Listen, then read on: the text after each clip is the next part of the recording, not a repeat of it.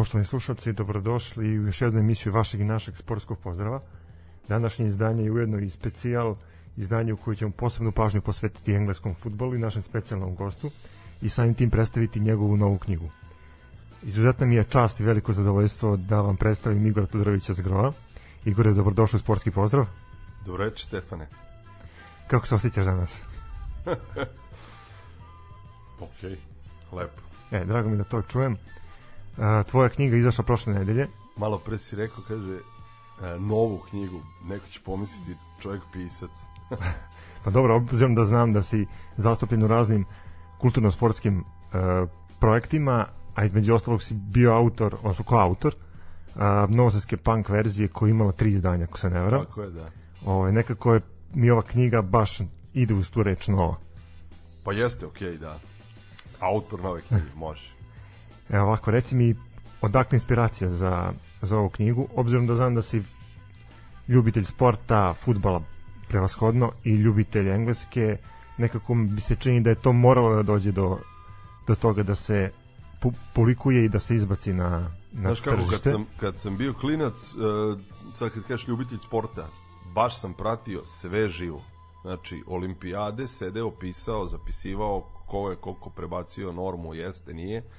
Kako sam stariji, sve sam ono, od, onako precrtavan sport po sport, ostao dok samo na futbolu. A, dole to ono kao mator pa tolerancija na nuli ili kako već ide. A, I taj futbal mi se ograničio na Engleze koje, eto, pratim, volim, a, ne znam, 40 godina i ovo domaće klub za koji navijam i to nešto još lokalno isto toliko i to je to. Redko kad sebe nateram da pogledam utakmicu španskog, nemačkog, italijanskog, bilo kojeg drugog prvenstva, lige, šampiona Evrope, ne znam kako se već zovu ovaj koje. Znači, stvarno ne znam da sam sebe uvatio da mi neko kaže kao enoga gleda Real Levante ili ne znam, ni, ni, znaš, kao pola ni da izgovorim. A za Engleze sam se zakačio davno i kao to je to i tamo sam našao otprilike dovoljno mi je, sve što, što mi treba tamo je, znaš od muzike, subkulture, navijača? Pa sve se nekako ovaj, spojilo i o, ok, logično je da sam se kao dete koje je odrastalo u ono vreme, uh, to rođen 74. pa prve te neke veze sa futbolom, spo, sportom je ono preko dede, oca, to je taj kraj 70-ih, rane 80. I prvo to neko svetsko prvenstvo koje pamtim je Španija 82. Ja se tog prvenstva sećam sigurno bolje nego prvenstvo koje je igrano pre par godina, da budem iskren, ne mogu setim nigde. Nisam ga ni gledao. Iskužio sličice, pa nije njega. Uh, onda da, ali to sam prestao davno. Uh, znaš, kao koliko je današnjim klincima, koliko znače ti neki Messi i, i Ronalda i, i, i ne znam, ono, Neymar i toliko sam se ja, mislim, mi onda, ovaj, ali većina se tada pod navodnicima palila na ne znam, ovamo Platinija, onamo Rosija, Rumenigija, Bonjeka i ne znam šta, a ja se zakrčio za Engleze, više iz nekog tako klinačkog bunta, jer eto, ono kao desilo se, sam bio na nekom dečijem rođendanu, roditelji, svi, gleda se utakmica svetskog prvenstva 82. u Španiji između Francuske i Engleske i da kompletno svi prisutni od ono klinaca preko roditelja navijaju za Francuze i u meni to kao, e, ja namerno neću za Francuze, ja ću za Engleze. Kontra. Da, pa Francuzi ono kao bili stvarno ozbiljna ekipa, to Platini, Rošeto, Bosis, Žires, Amoroze, znaš, ozbilj, ozbiljan tim. A kod Engleza je bilo ti, kao, ali to sve ovo kao, je, ovo su deljači, ovo su oni, znaš, kao staromodni futbol i kako se to zvalo, ne, kako su ga etiketirali, uglavnom ti, eto, ono kao staromodni Englezi dobiše 3-1 ovaj, Francuze, favorizovani iz prvog napada Brian Robson, koji mi u tom momentu meni postao ono što je danas klincima Messi, Ronaldo ili ko već, ovaj, kao onom sve mi je bio Brian Robson. Uh, 3-1 su dobili Englezi, dva dao Brian Robson, jedan dao Paul Mariner, I ja sam se od tada nekako uvatio za Engleze. Namestilo se da u porodici ovaj, Čaletova sestra, rođena tetka, završavala, u stvari završila englesku jezik i književnost, da se da je često putovala u Englesku, da je išla tamo i na te studentske razmene, to govorim sve taj sam početak 80-ih, da je išla ovaj u to vreme popularno bilo to kao babysitting da ideš tamo pa u porodice pa brineš o a, klincima i ne znam kao neka ono pomoćnica work and travel for fazon. Da, pa taj fazon, ali su to bili ti poslovi pogotovo za žensko. Ovaj i ona se meni tada tog e, išla je sa kumom zajedno često za Londone su zajedno studirale i kao dobio sam i majicu pred svetsko prvenstvo u ovaj u Španiji 82. sa tim kao Bobby Bulldogom e, i nekako mi je sve to nekako, eto jedno na drugo se nadovezivalo znaš kao stalno se nekako ti Englezi pa Englezi pa Englezi u to vreme ovaj e, početkom 80-ih dosta futbalera sa naših prostora je igralo u, u Engleskoj. Da, otišao je Golac, tako?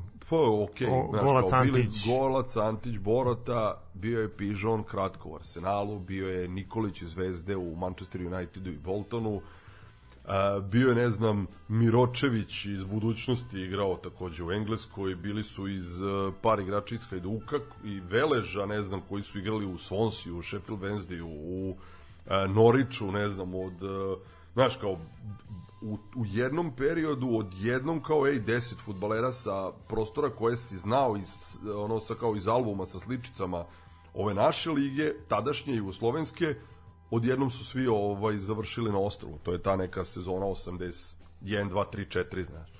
Ovaj, I onda su uvek sve što si ti od sporta imao na televiziji, to je to se baziralo na sportskom pregledu i ok, indirekt u ponedeljkom, sportski pregled koji je nedeljom imao onako po dobrih jedno pola sata sporta. Sportske novine? Kako? Kaže sportske novine, bilo nekih priloga u sportskim novinama?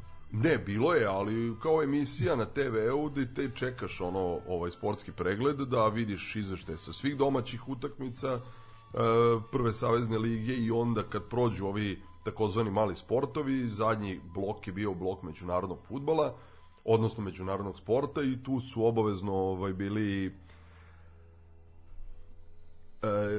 snimci sa utakmice iz Engleske.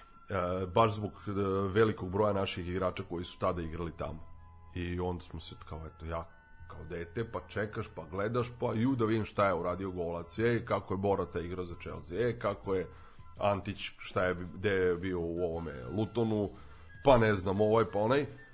I to su bili neki prvi susreti sa engleskim futbolom stvarno, gde ja, nošao, kao koliko ti imao pojma, koji je klub odakle, znao si ih 7-8 da ih nabrojiš, znaš, kao Liverpool je u to vreme harao ono, evropskim futbolom, uh,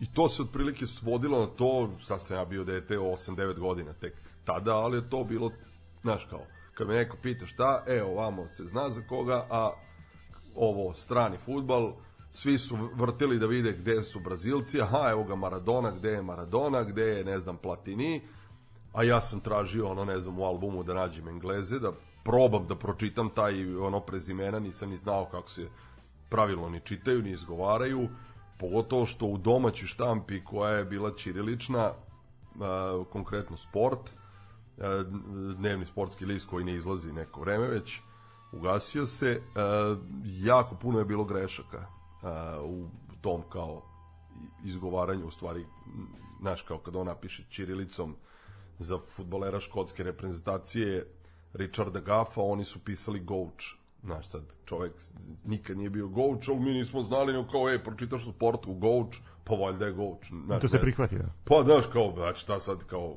aj koga zanima desni bek škotske reprezentacije, znaš, pored svih onih imena koja su igrala u, u drugim reprezentacijama. Ovaj, tako da, eto tako, ono, nisi znao ni kako se šta pravilno piše, ni kako se šta izgovara, ali si nekako tim, tom naivnom dečačkom, znaš, kao strašću, eto, kao, kačio se na Engleze. I onda je nekako logično iz tog nekog klinačkog bunta tamo peti, šesti razred, kad si se zakačio za prvu neku muziku, da kažeš, ej, ne slušam ono što roditelji puštaju kod kuće i što svira na radiju, ukačio sam se ono preko drugara koji su bili godinu dve stariji od mene ovaj, na punk muziku i sve se nekako počele kockice se sklapaju, znaš, kao sve, sve, sve je gravitiralo ka engleskoj. Jel ti tetka donosila iz engleske neke časopise, fanzine, magazine? Ne, ne, ništa tog tipa, znaš, ja za to nisam ni znao, za postojanje toga, znaš, ti, to, to, ti si ta treći, četvrti osnovne, uh, sećam se eto te majice koja, koju sam imao i kao bio glavni ono u, u, u kvartu to leto ali ono ne znam u mašinskoj školi igraš futbal pa leto 30 stepeni skineš majicu napraviš stativu od majice mi se razbežali da pijemo vode a malo pozaboravljali te majice vratili se posle pola sata. Majice nema. Nema ni jedne majice ja plako ko kiša i još onda kad sam video na um, jedan kadar je bio kad je Engleska igrala tu na tom istom prvenstvu s Čehoslovačkom, uh, zoomirali su navijače Engleske i ista ta majica je bila u publici, ja ono rekao, majko, mila, jedno je majica koju ja sam imao, a imao sam jedno dva meseca možda, a više je nema, znaš, tako da, eto, na, nije se i nimalo, znaš, kao sad novaca, niti sam ja, ono, bio sad strastveno u tome, da sad kao, ej, moraš mi doneti, ne znam, ovo, ovo nisam ja ni znao šta tamo izlazi od, šta znaš ti sa 8 godina, jel da? A kako si odredio navijačku pripadnost klubsku? Pa to je li isto su... opet uticala neka majica, šal, nešto tako? Ne, ili? pa tu je onako deda i otac su odredili ovaj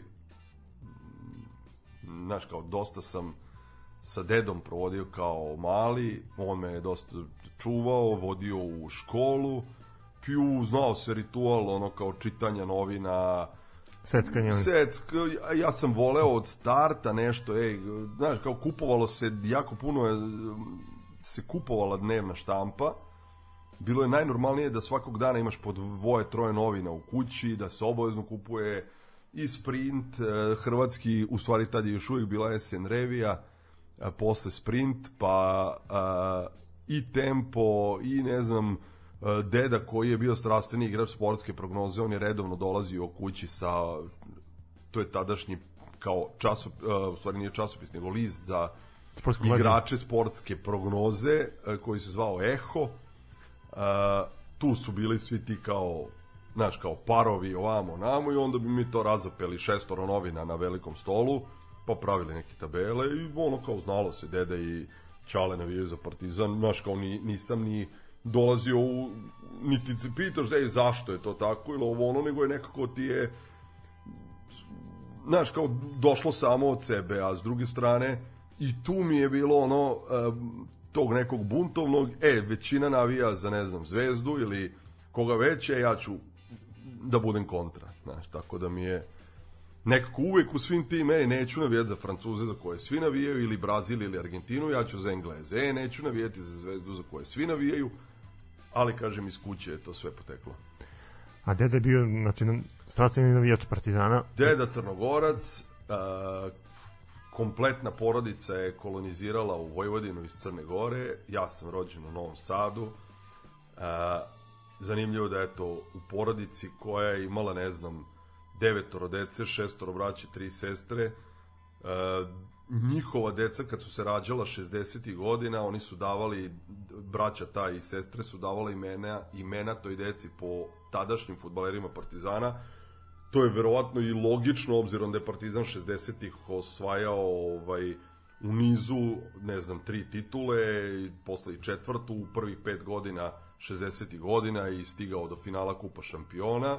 Tako se moji ti neki stričevi zovu ne znam, Srđan, Zvezdan i, i Zoran po, po braći Čebinac i po Miladinoviću. I to kad sam ja pričao sa njima kao, oj, otkud ta imena, i iako je taj Zvezdan je zvezdaš, ali on zna da kaže ja sam nazvan po futboleru Partizana. Tako da je jednostavno se, eto to tako nekako namestilo da je cela porodica ta starija, deda tih, da su svi ono bili partizanovci malo. Ste vodili na utakmice? Redovno smo išli, znaš kako, u ono vreme a, uopšte nije bila jeftina zanimacija otići za Beograd. A, mi smo, ja sam odrastao u porodici gde smo ono do moje 13. godine smo bili podstanari, živjeli u 30 kvadrata. Keva i Čale radili po smenama, uh, zato me i deda najviše čuvao uh, i mi smo znaš kao ja, ja nisam ne, to je ono kao jednom godišnje ako se ode u Beograd da se prošeta Kalemegdanom ne znam Knez Mihajlovom ako je neki sajam da se obiđe sajam automobila to se sećam dok ja nisam ono kao baš zagrizo u futbal debelo, Čale me je tek tad sa nekih ono 10-11 godina odveo prvi put u Beograd na utakmicu. A išao sam redovno na sve žive male ove ovaj stadiončiće i terene po Novom Sadu, jer je Čale 70. godina igrao u par lokalnih ovde no, novosadskih nižerazrednih klubova pa smo gledali i Želju, i Kabel, i Slaviju, i Novi Sad, i naravno Vojvodinu i sve si njih smatrao lokalnim klubovima i bilo ti drago da svi oni ono kao pobede i da ostvare ono kao zapažene rezultate i tad smo baš pratili, znalo se ej, kao gledaš treću ligu zbog Slavije i Kabela, gledaš drugu ligu zbog uh, Novog Sada, gledaš kako je Vojvodina prošla, daj nek Vojvodina pobedi gde god može redovno smo išli na, i na stadion Vojvodine, gledali sve žive i kao uvek navijali za Vojvodinu, ok, osim protiv Partizana. A eto, Partizan kad god je dolazi u Novi Sad, to je bilo kao najnormalnije da naš kao tebe deda vodi, ja nosim, znaš kao zastava, crno-bela, sve po redu i ideš na istok zapad, drugačije vreme bilo. Jesu postojale neke pionirske članske karte za decu pa su lakše ulazili, pošto se znalo to da nekad su vojnici mogli da uđu jedna posebnu tribinu. Bile su, da. Bile a evo sad imamo taj primjer da, da pojedini futbolski klubovi insistiraju na tome da deca i đaci idu na određenu tribinu i da imaju besplatan ulaz. Bilo je to sve, znam da i u Vojvodini bilo da ovaj drugari koji su Vojvodinaši, oni su imali te neke kao članske pionirske karte koje su ujedno bile i ulaznica, pa je bilo dovoljno da se pojaviš sa tom kartom i da imaš bilo kakvo crveno-belo obeležje i mogu se da ulaziš na, na stadion Vojvodine besplatno. Bilo je to i u, ono, u Beogradu i u drugim gradovima. Mislim, jednostavno u ono vreme stvarno je ono futbal bio uh, ono tema u svakom domu. Znači, o čemu se pričalo, ja mislim da je svaka ono maltene porodica u kojoj je bilo muške dece se bavila futbalom. I to tim domaćim jugoslovenskim futbolom. I bilo je najnormalnije da ti u Novom Sadu, ja kad sam se preselio ovaj, na novo naselje 87. Bilo mi je ono zanimljivo što sam u, od ono, ne sam, bliskih deset drugara imam petoricu hajdukovaca i to ono kao trojica koji su rođeni, svi su rođeni u Novom Sadu, a trojica koji su Srbi bili, znači ne i nikakve veze nisu imali rodbinske sa Hrvatskom, ali su kao navijali za Hajduk. Znaš, kao i to bilo najnormalnije da se navija za Hajduk. Da, to smo imali čak i, i priliku da vidimo u nekim ranim izdanjima nekih uh, fanzina gde su pričali o tome kako su na primjer ne znam iz Vranja navijali za za Rijeku ili obrnuto tamo ne znam iz Mostara za Partizan ili ne znam iz dobro, Partizan i Zvezda su imali navijače bukvalno da, širom Jugoslavije. Širom Jugoslavije. I m, takođe i Hajduk koji ima ono dosta navijača po Srbiji, u Beogradu posebno, a kažem ono kao u Vojvodini je bilo, znaš kao koja je mešana sredina, dosta i Dinamovih i Hajdukovih, znam kad god sam išao na stadion Vojvodine da gledam Vojvodinu protiv hrvatskih klubova da je bila onako ne mala grupa navijača na severu koja je tad su gostujući dolazili odlazili na sever ovaj, koja je navijala za, za gostujuće ekipe i tu se ono znalo kao ej zastava iz Petrovaradina je tu i kada igra Hajduk i kada igra Dinamo, znaš, oni su svi navijali za hrvatski klub. Tako da, ovaj, drugo vreme bilo. Osim tih zastava koji se spomenuo, neizostavan detalj na, na futbolskim utakmicama bili su i tranzistori. Oni ručni. Jer si imao primjerak svog tranzistora koji si nosio. Naravno, to je ono bilo kao danas što nose mobilni muškarci su imali tranzistor ovi stariji zaposleni u akt tašni se obavezno nosio tranzistor, mi klinci smo, znaš, kao, to ti je bilo kao da danas dobiješ kompjuter. Znaš, kao, poredilo se sa laptopom. Ej, kao, u, u, e, u ono vreme to je bio tranzistor. A, mala spravica, jel, za ove mlađe koji ne znaju, radio gde su se redovno slušali prenosi i, i mislim da, da pogotovo nama, ono mlađima, je samo za sport i služio da bi ono kao ispratio dešavanja i ti kombinovani radio prenosi futbolskih utakmica prve savezne lige ono u čuvenoj emisiji Vreme sporta i razono gde je ono nešto po čemu kao pamtiš detinjstvo. To je čak i dokument o nekim filmovima gde smo imali u tesnoj koži onaj moment kada idu ti multi radio multi prenosi. prenosi. Da, da, da. I tu je bilo ono kao onako komocija da ti prenosiš lupam utakmicu Sarajevo Vardar, ali da nema nikakvih problema da ako se nešto desi u Zagrebu na utakmici, ne znam, Dinamo Čelik, da će onaj iz Zagreba prekinuti kolegu iz Sarajeva, tačno si po huku i po ono, ne znam, kad krene da krči, znao si već da se menja nešto. De, da se nešto menja i već si mogao da naslutiš gde se to dešava. Ovaj tačno po zvuku si znao da li je Split, da li je Rijeka, da li je na, pa onda kao ej igra tvoj tim negde, pa kad ona javlja na primer, ne znam, ej pro, penal u Sarajevu, znaš, kao penal u Sarajevu, aha, ne čuje se glasan huk, znači da je penal za gostujuću ekipu, kao ju dobro je, ili, znaš, po, po tim raznim nekim kao zvukovnim uh, momentima si mogao da provališ iz prve o čemu je reč.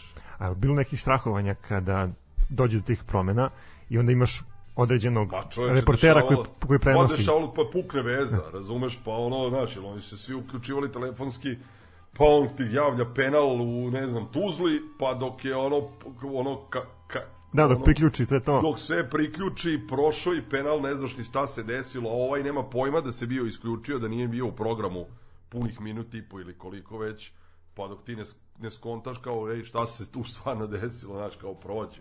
Ali to su sve bile neke, eto, čari onog vremena, danas to sve nezamislivo, jel? Ali ovo, eto, no kao, Ja se, raz, se razbili radio uređaj na, na stadionu? Kod danas televizori. Znaš kako, bilo je da ti na stadion Vojvodine jako puno ljudi gledaš koji sede, gledaju, prate Vojvodinu, a imaju tranzistor na uvetu. Znači, slušaju, nema veze što on navija za Vojvodinu, znaš, nego jednostavno je to bilo ono, bukvalno kao evo što danas gledaš kako ljudi gledaju utakmicu, ne znam, kao Vojvodina i napretka ili Partizana i ovaj, voždovca i kucaju poruke, jel tako? Gledaš ih da drndaju telefone. E, tako je onda bilo najnormalnije da ti je onako desna, jedna ruka prilepljena na uvo i da gledaš ovde šta se dešava, slušaš tamo. Ja sam ko klinac, ovaj, prvi rad, taj tranzistor koji sam dobio za rođendan od dede, zafrljačio na pola mora, zafrljačio na pola mora baš zbog nekog ono neverovatnog promašaja Mancea pri 0-0 u 89. minuti.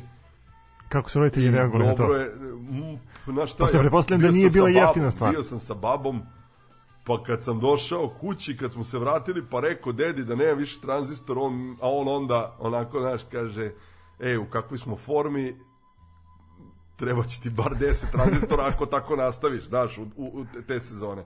Ovaj, ali eto, na primjer, zanimljivo, ja sam ono kao bacio tranzistor, bili smo negde u Istri na moru, uh, to je 84 a da ja do sutra dok se nisam dok nisam došao u ovaj jel, putovali smo tu noć ili sutra ujutru kući sad ono što kažeš jako je davno bilo bukvalno 24 časa nisam znao kako se utakmica završila ali ne znam koga da pitam znaš kao tamo ljude ne zanima ono troje njih u hotelu, a kao je, kako igrala Rijeka, kako igrao Hajduk ili Dinamo, Zaboli i Ćoša kako su igrali Partizan i Vojvodina. Ovaj, a ja u 88. i kad sam bacio tranzistor, ja ne znam kako se završilo, ono, preostala 3-4 da. minuta kako su ovaj protekla.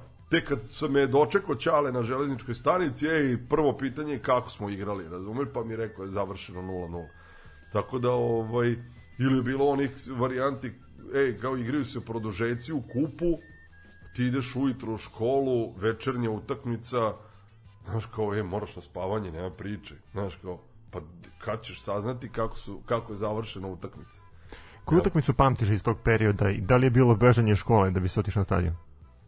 Znaš kako, mnogo više pamtim uh, taj period i mnogo slikovitije nego sad ću lupiti neku utakmicu od pre 3, 4, 5 sezona ajde ovo što je bilo u poslednjih e, pola godine mi je u friškom sećanju, pa znam gde sam bio, šta sam gledao, ali sada me neko pita kao, ne znam, ej, Partizan mlado slučan i iz 2018.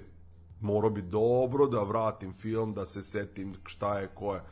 A o, taj period, to no 80 i druga, treća, pa do, do raspada Jugoslavije, tih nekih 8, 9, 10 godina, Znaš, kao ja sam znao uh, sve na pamet, znao ono, ja sam pisao rezultate, imao sam te, eto ako to, ta, to nekad strast da svaki rezultat upisujem, da, da uh, sastav Partizana, uh, rezultati tog kola i tabela, prepisivo sam iz novina i ja sam te sveske neke vodio od 85. godine i dan danas to vodim, ima tih svezaka 20, razumeš. Meni je interesantno kad nalazim na internetu razne futbolske ulaznice iz tog perioda, da. gde ljudi su na licu mesta zapisivali na ulaznicama rezultat ko je bio strelac i u kom minutu je pao Pa da li na licu mesta ili su sutradan, znaš, kao prepišeš iz novina, ovaj, ali da, na poleđini ulaznice najnormalnije se to pisalo,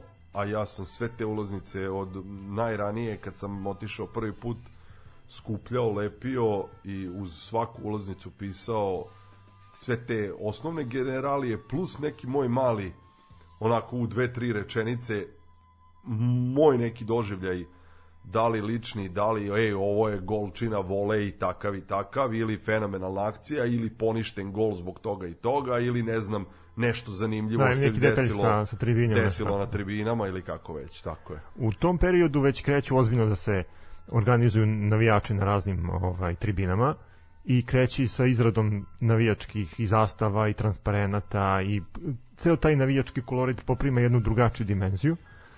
U tom periodu, kada pogledamo slike, možemo da vidimo i pojedine šalove italijanskih i engleskih klubova.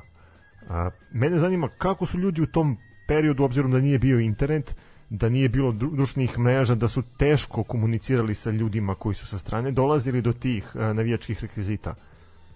Pa znaš I, kako... I da. kako, na primjer, e, ti si, pretpostavljam, sigurno imao neki, mislim, šal koji ti je bio veoma dragocen i značajan. Kako si došao do njega? I ko je bio u pitanju? A, meni je tada živeo sam vrlo blizu železničke stanice do 87 i u sezoni kad je Vojvodina igrala pos, tu sezonu u kojoj je ispadala iz uh, prve lige, jedina sezona kad, kad je Vojvodina ispala iz prve lige, sezona 85-6, mi smo na svaku utakmicu na stadionu išli nas tako 10, 15, 20 drugara iz kraja. Vrlo mladi smo bili, to, to je se uzrast bio od 10 do 12, 13 godina. Znači to, četvrti, peti, šesti osnovne. E, najnormalnije je bilo da te roditelji puste da si ti ceo dan napolju, da dođeš kući samo da jedeš i da se presvučeš. E, ja sad ne, stvarno ne mogu da zamislim iz ono kao današnje perspektive, ono kao i, i toga da što sam ja roditelj, ok, imam ovaj, čerku, e, ali sad da imam sina koji ima 12-13 godina, da li bi ja puštao sina od 12-13 godina samog da ide to, tako kao, ej, ide tata na utakmicu, znaš, kao, malo mi, ne, znaš, kao, jednostavno je drugo vreme bilo. Uh, I mi smo znali tačno, ej, kao super, non stop smo bili napolju, non stop smo igrali futbal, non stop se pričalo o futbolu i znalo se, aha, ko nam dolazi sada u Novi Sad, dolazi i Dinamo.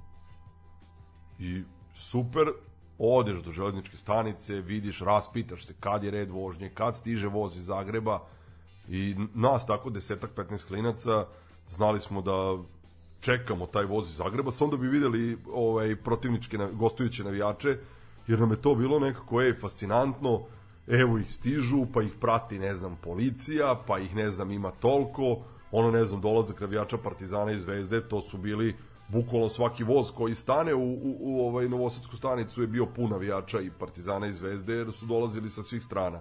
Ali ovo kao kad je dolazio Dinamo, Uh, kažem Dinamo jer njihovih je navijača dolazilo više nego Hajdukovih što je i logično jer je Zagreb mnogo bliži nego, nego Split uh, to je nama bilo kao ej i onda kao dečica ideš za njima pa znaš kao pa ti zanima pa gledaš ju vidi ova ima ne znam kapu Juventusa. Jao, vidi šta je ono, pa pokušavaš da provališ šta piše na tom šalu. A jao, ova ima neki šal, šta piše na šalu? Pa na, kao, šta znači Svansea, razumeš? Nemaš pojma da pročitaš Svonsi. Ovaj, znaš, sve ti je to tako bilo onako dečački naivno da otkrivaš, da saznaješ normalno se moglo putovati u inostranstvo, ljudi koji su e, znaš, kao taj tadašnji crveni pasoš je stvarno bio poštovan u svetu, ti si bez vize išao gde si hteo. Dakle, to je bio mnogo veći standard. Tako je. Ovaj, najnormalnije se išlo u Italiju i ti prvi neki šalovi su dolazili iz Italije i naravno iz Engleske. Ovi koji su bili stariji eh, od nas išli, isto voleli futbal, išli putovali, donosili su od preko. Eh, u to vreme Novi Sad i Norić bile su tesne veze eh, dva grada pobratima i često su deca iz Engleske, iz Norića dolazila ovamo i obrnuto, išlo se u uzvratnu posetu i u jednoj takvoj poseti 85. 6 je od mog najboljeg drugara iz tog ovaj perioda brat rođeni koji je 67. godin, što on je putovao u Norvič kod tog svog domaćina tamo i onda je taj Englez dolazio, Richard se zvao, dolazio kod njega. Tad kad su ti Englezi došli ovamo u posetu, nas gomila klinaca, ono fascinirani, jao, ajde idemo da vidimo prave Engleze. Oni su im organizovali neko druženje u mašinskoj školi ovaj, tu u Novom Sadu i sad smo mi očekivali, jao, sad kad se pojave svi Englezi u dresovima, znaš, kao, a oni došli, ja, mi se razočarali, kao, ja, pa vidi, niko nije... Da, normalno obučeni. Znaš, oni došli normalno obučeni, nemaju pojma, a mi kao, sad stojiš tu oko njih, pa ne znaš ni jednu reč da bekneš, pa vikneš Arsenal, pa vikneš, ne znam, Liverpool, pa Manchester, pa ovo ono. Ovaj, uglavnom je taj e, vlada, brato tog mog druga Gerija, došao iz Engleske i doneo je svojim drugarima par dresova i nekoliko šalova. Ja sam bukvalno svaki drugi dan kad sam išao kod njega, on kao daj, samo da gledam šal. Sećam se ono kao šal Arsenala, šal Nottingham Foresta, dres Manchester City-a. Pa, meni je to bilo ono kao, ej, da nabavim nekad, negde, jedan ta, bilo kog kluba, bilo šta, bilo, znaš, kao to bi mi bilo, to je to. Proći će tu još dve, tri godine dok ja nisam se dokopao svog nekog prvog šala. Umeđu vremenu, znaš kao kako stariš i sa, s godinama upoznaješ i starije i ovamo onamo i s, u, uključuješ se mnogo više i u priču i upoznaješ i navijače koji idu i za Beograd i na gostovanja i na Vojvodinu redovno i prate Vojvodinu na gostovanjima Znaš, i kao i onda si skontao da tu jako puno ljudi ima koji prate i šta se dešava napolje i na toj navijačkoj sceni i nekako ti je ceo taj ono trip mnogo drugačije. Sve je to bilo znaš kao potpuno ludilo.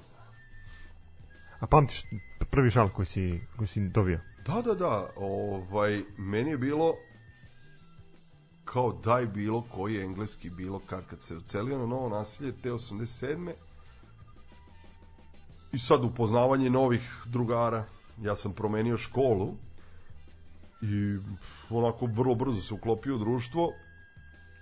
Jedan od drugara iz tog ovaj, novog društva, kao, ma, kao šta, kao Englezi, možeš misliti, pa kao meni brat od, ne znam, tetke ili čega, pa živi u Londonu, kao Keva i tetka idu tamo za novu godinu, pa ako hoćeš, mogu, mogu im reći da ti, ne, da ti donesu neki šal kad već toliko kukaš za šal. I meni je to bilo ono kao, jo, da, e, to je sad, ne znam, lupam, septembar, i više mi nismo spomenuli te šalove i odlazak njih, tih žena tamo kod, kod, kod tog dečka. Uh, samo znam ono kao jednom, da li je to tu negde oko nove godine, one su išle tamo za te božićne praznike, taj Sale me zove, kaže, ej, došla mama iz Engleske, evo donela je šalove, pa kao, aj, dođi da izabereš. Šta da izabere? Majka. Ja došao sad kod njega i sećam se, on raširio na krevetu 6-7 šalova londonskih ekipa, brat njegov je tamo kupio i sve različite. Majko, rođen se, ja treba da izaberem šal, znaš. Ovaj, i sad je bilo kao da li West Hamov, da li Chelsea, da li ovaj, da li onaj, a on će uzeti Chelsea, aj dobro, ajde ja ću West Hamov, a ovaj je uzeo već, mi se razgrabili, sad ja bi sve da uzmem, ali sad ne može, zna. I vrlo brzo posle toga uh, ja ostanem bez tog, bez tog West Hamovog šala, uh, igrali su Vojvodina Zvezda, to je proleće sezona kad je Vojvodina, kad se Vojvodina vratila u prvu ligu, godinu dana pre nego što je osvojila titulu, 87. 88 neki početak aprila.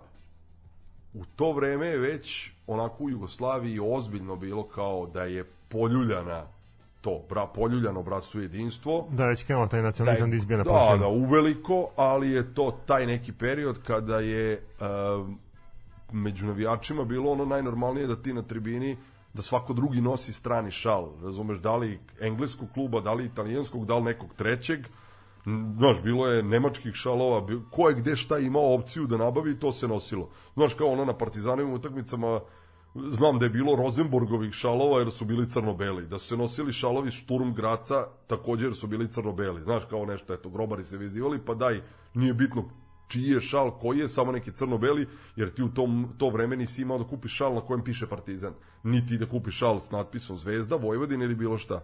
Ovo, imao si one klasične prugaste koje su nam štrikale ono mame i babe ili u sportu da ovaj e, proda, sport, prodajete sportske odeće sport da kupiš te iste takve jednoobrazne Da, to su bili oni dresovi, tako, isti kao i za Zvezdu i Partizan, no, crveno-beli, da, crveno-beli sa, da kupiš, sa, sa zvezdicama. Sa zvezdicama, ali si mogu da kupiš i šal.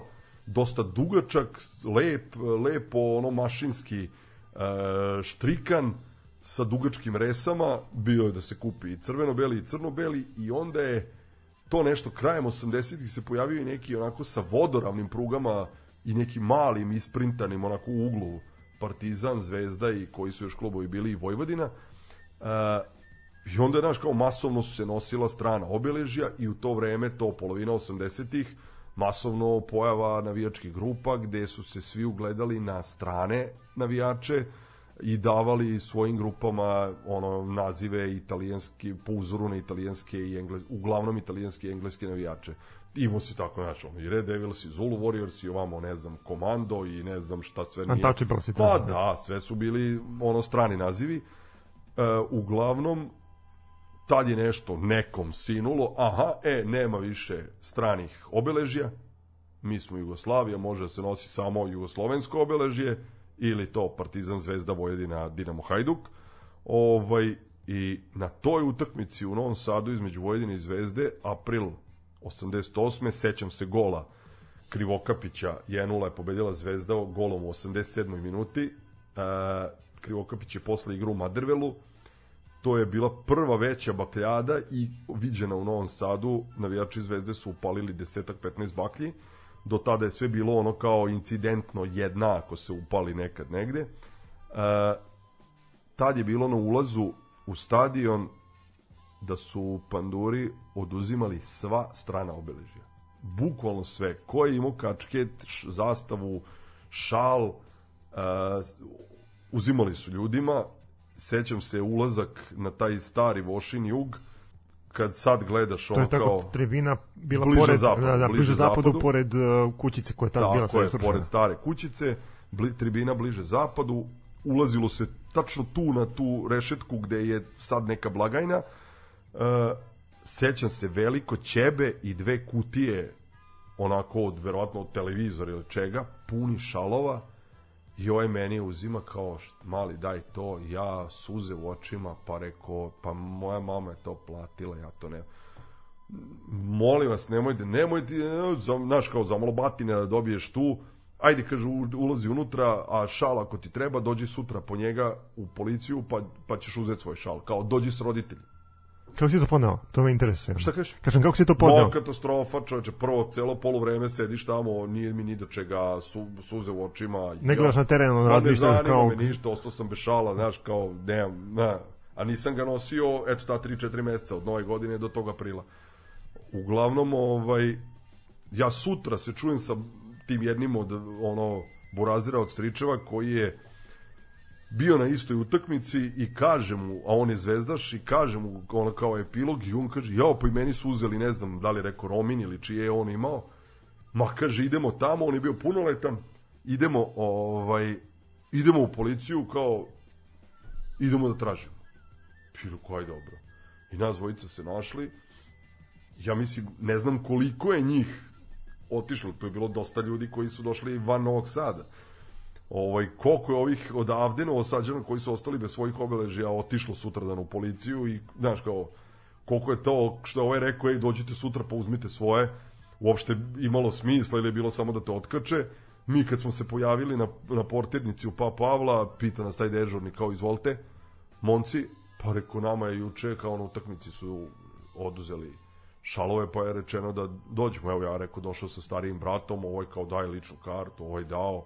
Pusti vas unutra. Znaš, čovjek počeo, ono samo što nije počeo se smeje, kaže, ajte gore na taj sprat, pa tražite tog i tog. Mi pokucali na vrata, ovaj nas gleda, kaže, ovaj, šta, ne, nešto je posprdno bilo, ono, pri, evo ti ovde kao, on otvori ormar, kad je otvorio or, ormar, ono su, sunulo iz ormara, ovaj, gomila svega, znaš. I kaže, evo, ovaj, na kutija, on tu nešto, kaže, evo, naćete tu, ove ostalo vratio. I ja sad tu čeprkaj, čeprkaj, nema tog mog šala, ko zna šta je bilo, ali sad u tom momentu, znaš, ni ne razmišljaš, ni ne gledaš mazno prvi neki Chelsea koji sam našao, Burazer isto uzeo neka dva, be, ajte, kada jeste našli svoj, ajde bešte kući. E, to je tako bilo, znaš. Ja taj ca, ča, šal imam, eto, i danas, koliko je prošlo, 33 godine od, od, od tog nekog aprila 88. Ovaj, I danas taj šal mi je, eto, kod kuće nečije, jel tako, ko je, ovaj, ali sam, eto, kompenzovao za moj oduzet 10 kimov dobio Chelsea. I onda je krenula priča vezana za Chelsea. Ja sam Chelsea kao klinac e, zbog Borate upamtio, ne mogu kažem zavoleo, nego mi je bilo ono kao simpatično ime i jedno od imena koje nije bilo u vrhu engleskog futbala, a o kojem se pričalo kod nas, znaš, kao svi su se u to vreme kao Manchester, Liverpool, Arsenal, ok, Tottenham, u to vreme bio dobar Nottingham Forest, čak i Ipswich, to su bili neki klubovi o kojima se pričalo, znaš. A Chelsea je bio tada i ispao u drugu ligu, pa se vratio, ali se pričalo o Chelsea jer je Borota, ono, uh, igrač, futbaler, u stvari golman Partizana, branio za njih par sezona i Čale je nekako uvek, je, kao da vidimo šta je Chelsea, šta je Borota, znaš. Nekako se namestilo i da u to vreme kad se krenulo to pod navodnicima loženje na Engleze i na strance, da su se navijači zvezde uh, identifikovali sa crvenim klubovima uh, i A, da su, Liverpool, pa uglavnom Liverpool, Liverpool zbog ono kao naš svih uspeha i svega, ali to i Arsenal jer je i Pižon bio tamo, ali i Manchester United, a ne to kao grobar, iako Chelsea nije crno-beli, su se nekako ukačili na Chelsea. I to je meni kao bilo je kad ti pita nego, aha, Chelsea, Chelsea, Chelsea. I onda kad se 86. još na ovaj u albumu sa sličicama za Meksiko, ovaj svetsko prvenstvo, u, u, u, pojavio i centar for Chelsea, Kerry Dixon, meni je kao od tog momenta Kerry Dixon omiljeni futbaler ikada u istoriji futbala koji se pojavio, znaš. Tako da sam se eto nekako tada kao Chelsea, Chelsea, ali ti ne znaš ništa o tom klubu, ni jednu info, jel nemaš gde da pročitaš, ne postoji informacija u novinama osim kao je ono Chelsea Middlesbrough 0-0 i to je sve što znaš o Chelsea, nema sastava tima, ne znaš ko igra za taj klub, nego eto, da nisam po, pročitao u, u, u albumu sa sličicama da ima neki Kerry Dixon, plavokosi centarfor, da iz Chelsea ne bi znao ni jedno ime. Ali eto, mic po mic, pa si, znaš kao, došao do, do, do, do, do tog nekog, do nekih informacija kako su krenuli godine da idu, ovaj, tako je došlo do raspada Jugoslavije i samim tim te krizne godine koje su pogodile ceo ovaj region ovde, gde ljudi nisu mogli da da normalno funkcionišu, gde im je bio rat u kući, ali između ostalog imali smo te sankcije, bilo zabranjeno odlasci u inostranstvo, koje imao pasoš neke e, druge države, mogo je da putuje. Eto, ti si tu i kako si na sve to gledao, da u momentima kada možda treba da, da najviše proživiš, imaš najviše slobodnog vremena, ti si zatvoren u Srbiji i osuđen na, na TV ligu šampiona, između ostalo. Pa eto, e, eto, to si dobro rekao, mi smo generacija koja je, bukvalno nam je ta jedna decenija pojedena. Uh, ja sam u to vreme onako intenzivno se dopisivao i taman je krenulo to i dolaze nam drugari odavde i mi idemo tamo i gostovanja i futbalska, a i odlasci na koncerte. I počeli da dolaze strani bendovi u ovaj u Jugoslaviju. E, dosta tadašnjih velikih imena mislim velikih e, iz tog nekog ono kao punk hardcore sveta su svirala u Sarajevu, Ljubljani, Zagrebu, dolazili u Beograd e, da ne nabrajam, eto pomenuću par samo ne znam, od Spembrca preko Slapshota do um, Mega City Fora, ne znam, All u Zagrebu, Ljubljani, Youth of Today, I ono kao taman je krenulo uh, umrežavanje sa ekipama iz drugih gradova po futbalu i muzici. Uh, ja sam imao jako dobru ekipu u Sarajevu koje sam upoznao u Novom Sadu. Oni su došli na neki dvodnevni uh, punk festival koji se održavao u februaru 90. godine Uh, I tad smo se sprijateljili i bukvalno ono do, do narednih godinu i dve dok se nije raspala Jugoslavija dva puta je željezničar gostov u Novom Sadu oni su mi dolazili u kuću ja sam išao ovaj, u Sarajevo pošto sam imao rodbine na Palama svaki letnji i zimski raspust pa sam eto imao sreću da gledam dva puta i Sarajevski derbi u ono vreme pre rata 90. i 91. Znaš, kao dolazi, stizali fanzini sa svih strana, znaš, kao upijao si informacije i kao jedva čekao da još malo odrasteš, da napuniš tih 18 godina, da imaš svoj pasoš, da ne mora roditelj da te vodi bilo gde, nego da kreneš i da ideš na utakmicu gde hoćeš i da odeš na koncert. I znaš, kao taman si krenuo tim, da kažeš, punim plućima da, da, da živiš kad je 91. ja sam tad imao 17 godina, kad je sve stalo i sve puklo i odjednom onda kreće to što kažeš i sankcije i ono rat i da ti uđeš u prodavnicu i da u prodavnici tri reda bude samo topping šlag i nema ništa više.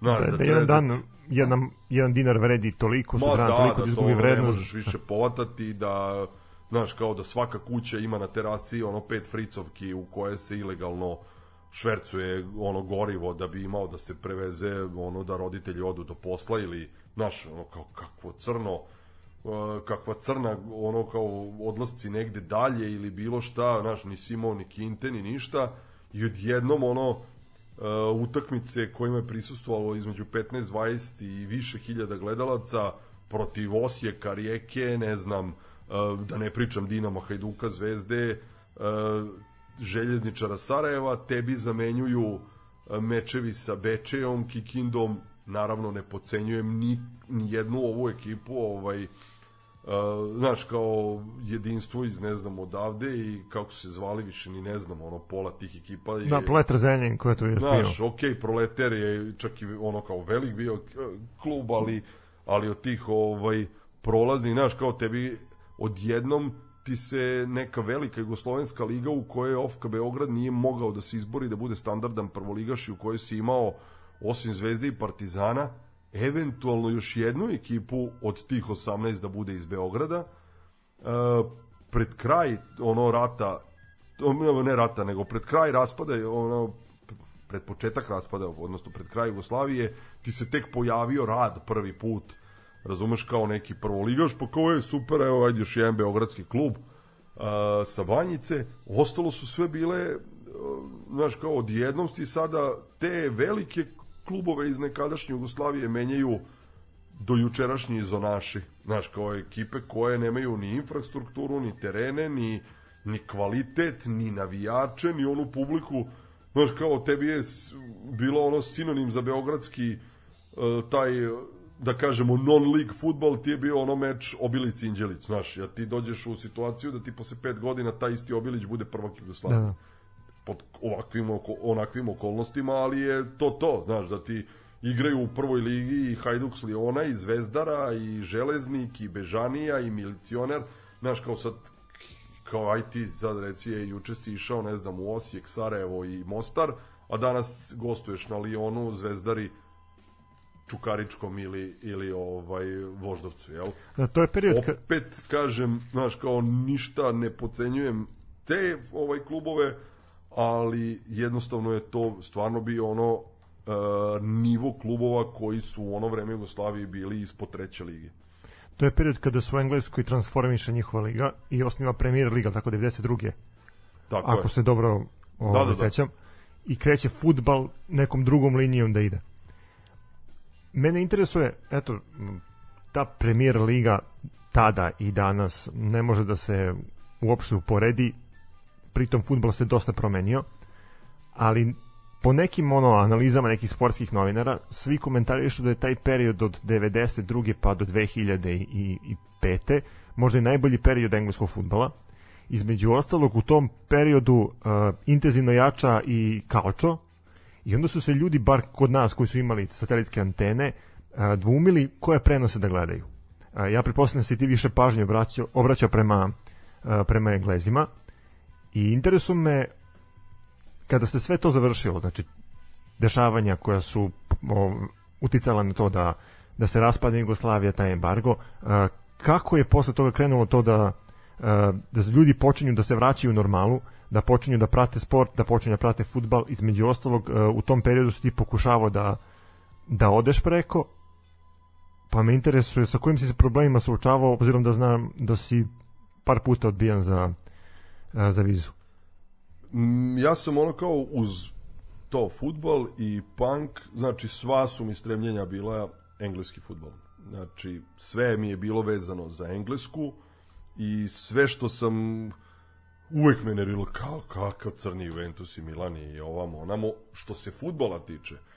Navijački, naravno, mi smo kuklinci kupovali, redovno sam dobijao super tifo, imam ih danas sačuvanih možda i 200 Uh, uvek si imao neke kanale, išli ljudi švercovali u Trst, dok nije pukla Jugoslavija, a i posle toga bio je, uh, bila je prodavnica u Novom Sadu koja se zvala Sport Machine, nalazila se tu na ćošku uh, Bulevara Oslobođenja i Maksima Gorkog u nekadašnjoj Philipsovoj zgradi. Tu je bilo kao da se kupi dosta tih uh, navijačkih ovaj, suvenira stranih klubova, dolazi, donosili su robu iz Italije, mogu si da kupiš e, šal maltene bilo kog italijanskog kluba, dres italijanskog kluba, znalo je često se zalomi i engleskih, ono što su ti ljudi koji su držali taj shop nalazili u Italiji, to su donosili i oni su donosili redovno i super tifo za nas nekoliko koji smo to redovno kupovali. Znači, kao pratila se navijačka scena i u Italiji i gde god si mogao, i to se sve naravno u mnogome kopiralo i na našim tribinama, ali je meni kao ono sve bilo engleska, engleski futbol, engleska kultura, navijači, sve po redu. E, prvi neki dodir je taj odlazak na jednu ekskurziju u, u, u Grčku, gde ja ono kao prvi put vidim u izlogu trafike časopis shoot meč, kao šta je ovo, pa posle godinu, dve dana prvi put uspevam da dođem do tog časopisa i ono kao, ej, pa evo, konačno nešto, znam sad šta tražim, šta ću u budući kad neko negde bude išao tražiti. Uh, pa preko tih magazina dolazim do informacija i kontakata sa nekim fanzinima, pa sam počeo da pišem uh, engleskim fanzinima, pa prvo pismo napisao na Chelsea Independent, tamo neki 94. 5 pa mi se na to pismo javilo par navijača, ja kad sam dobio ono kao prvi badge, Chelsea, mislim, znaš, kao ta značkica PIN, te neke 94. 5. mislim da ga niko nije imao u gradu, sličan, i kao, ju, ne, nisam skidao značkicu sa, sa, sa ono, samo sam menjao. Uh, I sve mi je bilo kao, ej, jednog dana moram otići, moram otići, moram otići, kako god znam i umem, moram otići na Stamford Bridge, da se dokopam Londona, da pogledam jedan koncert, jednu utakmicu i ne moram više nikad ništa. E, bukvalno je tako bilo. Uh, kad, kad su 95. kao potpisan Dejtonski sporazum, kao kraj rata na prostorima bivše Jugoslavije, odnosno u Bosni, i to je to, ajde, pojavile se prve agencije koje ovaj kao padaju prvo su prvo je nešto kao ukinute sportske sankcije 93. četvrta pa onda 95. kao to je to meni kao čale, pozajmi novac da uplati školu, let, ono kao letnju školu engleskog jezika, da idem u London. Ja se u to vreme dopisivao sa jednom, ona je pet godina starija devojka, žena, koja je ono, cela, čija je cela porodica bila Chelsea i ona mi tada kao u tom pismu njenom jednom od pisama kad sam joj rekao, ej, planiram da dođem, to i to leto, uh, sve sam sredio, dolazim 100% i ona onda kao, ej, kad dobiješ vizu, pošto ta viza važi duže nego, nego što je moj planirani boravak od par nedelja, obavezno planiraj da produžiš taj boravak još par, ono, desetak dana, pa se to na kraju ono, ej, pa ti možeš onda ostati ne znam koliko, pošto je na šest meseci viza, pa ostani da radiš, ne znam, u tom i tom pubu da bi zaradio za ne znam šta, da budeš kod nas kao ej, nevezano za tu školu još mesec dana maltene i da pogledaš sa nama dve, tri utakmice. Izvadili mi ulaznicu za utakmicu Chelsea Everton i za neku prijateljsku protiv da li je Benfica, ne? sad ono kao iz glave nije ni bitno. Uh, imam sve zapisano. Uglavnom, ja budem odbijen tad za vizu, mislio sam da mi se ono ceo svet srušio, imao sam ono kao, znaš, kao 21 godina, idealan da ostane, jel tako? Po svim parametrima i svim, uh, ono kao, aha, ne radiš, studenci, ono, znaš, kao možeš misliti student, nema završene, ono, kao vojnu obavezu, beži garant iz zemlje, ovde je kriza kakva jeste, i kao, ova je i, i plus osoba iz te agencije preko koje sam aplicirao za vizu koja je popunjavala moj formular, zeznula je nekih par podataka i ja tamo kad sam otišao na razgovor, kad su ovi krenuli da proveravaju verodostojnost podataka pa su skontali da tu ima nekih neslaganja Da, sa, da, da, da, da to nije to. Znaš, kao ja sam mislio, svet mi se srušio, to je kraj. Ponovo sam kao pokušao dve godine kasnije, 97 i tada je bila opcija ovaj, da sam, kad sam otišao u ambasadu, su mi rekli, vidi, ništa ti se nije promenilo u statusu, statusu i dalje nemaš odsluženu vojsku, i dalje si student, ovaj, bio si odbijen pre dve godine, nema razloga da, da, znaš, kao da i sad ne budeš odbijen. Otprilike to tako bilo najnormalnije, tad se nisam toliko nešto previše ni potresao, kao možeš misliti, odbili me jednom, odbili me drugi put. Ono šta mi, šta mi je bilo, ono teško, 98. na današnji dan Partizan je igrao revanš meč sa. Newcastlom dve nedelje ranije a, gostovali smo na St. James Parku i a, u jednom avionu je, su bili samo navijači ja sam bio na spisku putnika od, sad ne znam tačno brojke, 150-200 ljudi koji su putovali tada na tu utakmicu u aranžmanu kluba i kao ne brinite ništa, dobijate svi vize, klub garantuje, jer kao, ne znam, predstavnik kluba nosi, popunjava formulare i nosi, nosi ovaj, te aplikacije i nosi pasoše. Da, pritom idete samo na utakmicu i vraćate se. Samo, bukvalno ne ostaješ ni 24 časa, slećeš tamo, ideš na stadion, kad sudija svira kraj, ideš kući. Ovaj, ja i mm, još jedan ovaj, navijač Partizana iz Zemuna, Mosi, stariji lik, takođe u tom skroz engleskom fazonu, nas dvojica smo jedini odbijeni, seća se samo on kao telefonskog poziva kao, brate, šta si ti Bogu zgrešio da od nas 150 ono svakojakih likova i ovih sa krivičnim prijavama i ovi koji imaju ne znam i hapšenja i zabrana i čuda i ne znam kakvih ono i zatvorskih kazni da ti ono koji nisi imao nikad takvih problema da budeš odbijen. Bio sam odbijen samo na konto prethodna dva puta. Ja sam tad stvarno mislio ono rekao je ono kao u životu neću se dokopati engleske, treći put me već u, u, u ono tri godine, četiri sam dobio šut kartu i to mi se ono kao postalo, rekao, vrate mili, to, znaš, kao šta sad, jel vredi više ikada pokušavam i onda tako, eto, znaš, kao, ali ta želja da se nekada dokopaš ostrava, znaš, kao kad pogledaš sad te 90. to je taj period od neke moje 17. maltene do 27. godine, kad si bio u naponu snage, kad si trebao da prokrstariš celu Evropu i da ono prođeš uh, znaš, kao i da vidiš i futbala, i muzike, i gradova, i kulture neke druge, P, znaš, kao kada je su tvoji vršnjaci iz bilo koje druge zemlje, samo pređi, ono, otputuj 100 km gore, pa imaj mađarski pasoš, pa možeš gde hoćeš, Znaš, kao, to je nešto što, eto, tako, ostane ti u, ono za života kao 10 godina koje su tako bačene u tom smislu, ovaj, koje ti je tako pogrešna politika, pogrešno vođenje, na, da, da sad ne upirem prstom ni u jedan strani elementi da, da, znaš, kao da je neko drugi kriv, ne, sami smo krivi što smo, znaš, kao uvek pođeš od sebe i ovaj, jednostavno kao to ti je nedostaje ono 10 godina koje si bacio. Jel? A kada se desio taj prelomni moment da si uspio da dobiješ vizu? Pa namestilo se da sam ja te 90 ej, ono, tu je toliko sad već postalo da sam ja ono maltene na dnevnom nivou dobijao uh, u jednom momentu sam teo da otvorim i PO Box uh, jer mi je stizalo po 10-15 pisama na dnevnom nivou sa svih strana što navijačke, što ono punk tematike uh, što iz zemlje što regiona, to iz ono iz gradova iz inost... u, ma, u zemlji, da. iz inostranstva. Da. Uh, znaš, u jednom momentu sam se dopisivao i sa nekim navijačima iz Španije, i sa dvojicom Italijana, i sa dva Holandžanina, i jednim Nemcem, i pet Engleza, i, znaš, kao više nisam znao kad šta kome šaljem, ko, I kome šta šta odgovaram, šta sam kome pisao, da li sam poslao ovom ovo, da li mu, da mu ne dupliram, ako je, na, bukvalno ono kao sam sam sebe, a ovamo do, stiže ne znam, pošto sam radio ono na par fanzina, muzičke, teo punk tematike,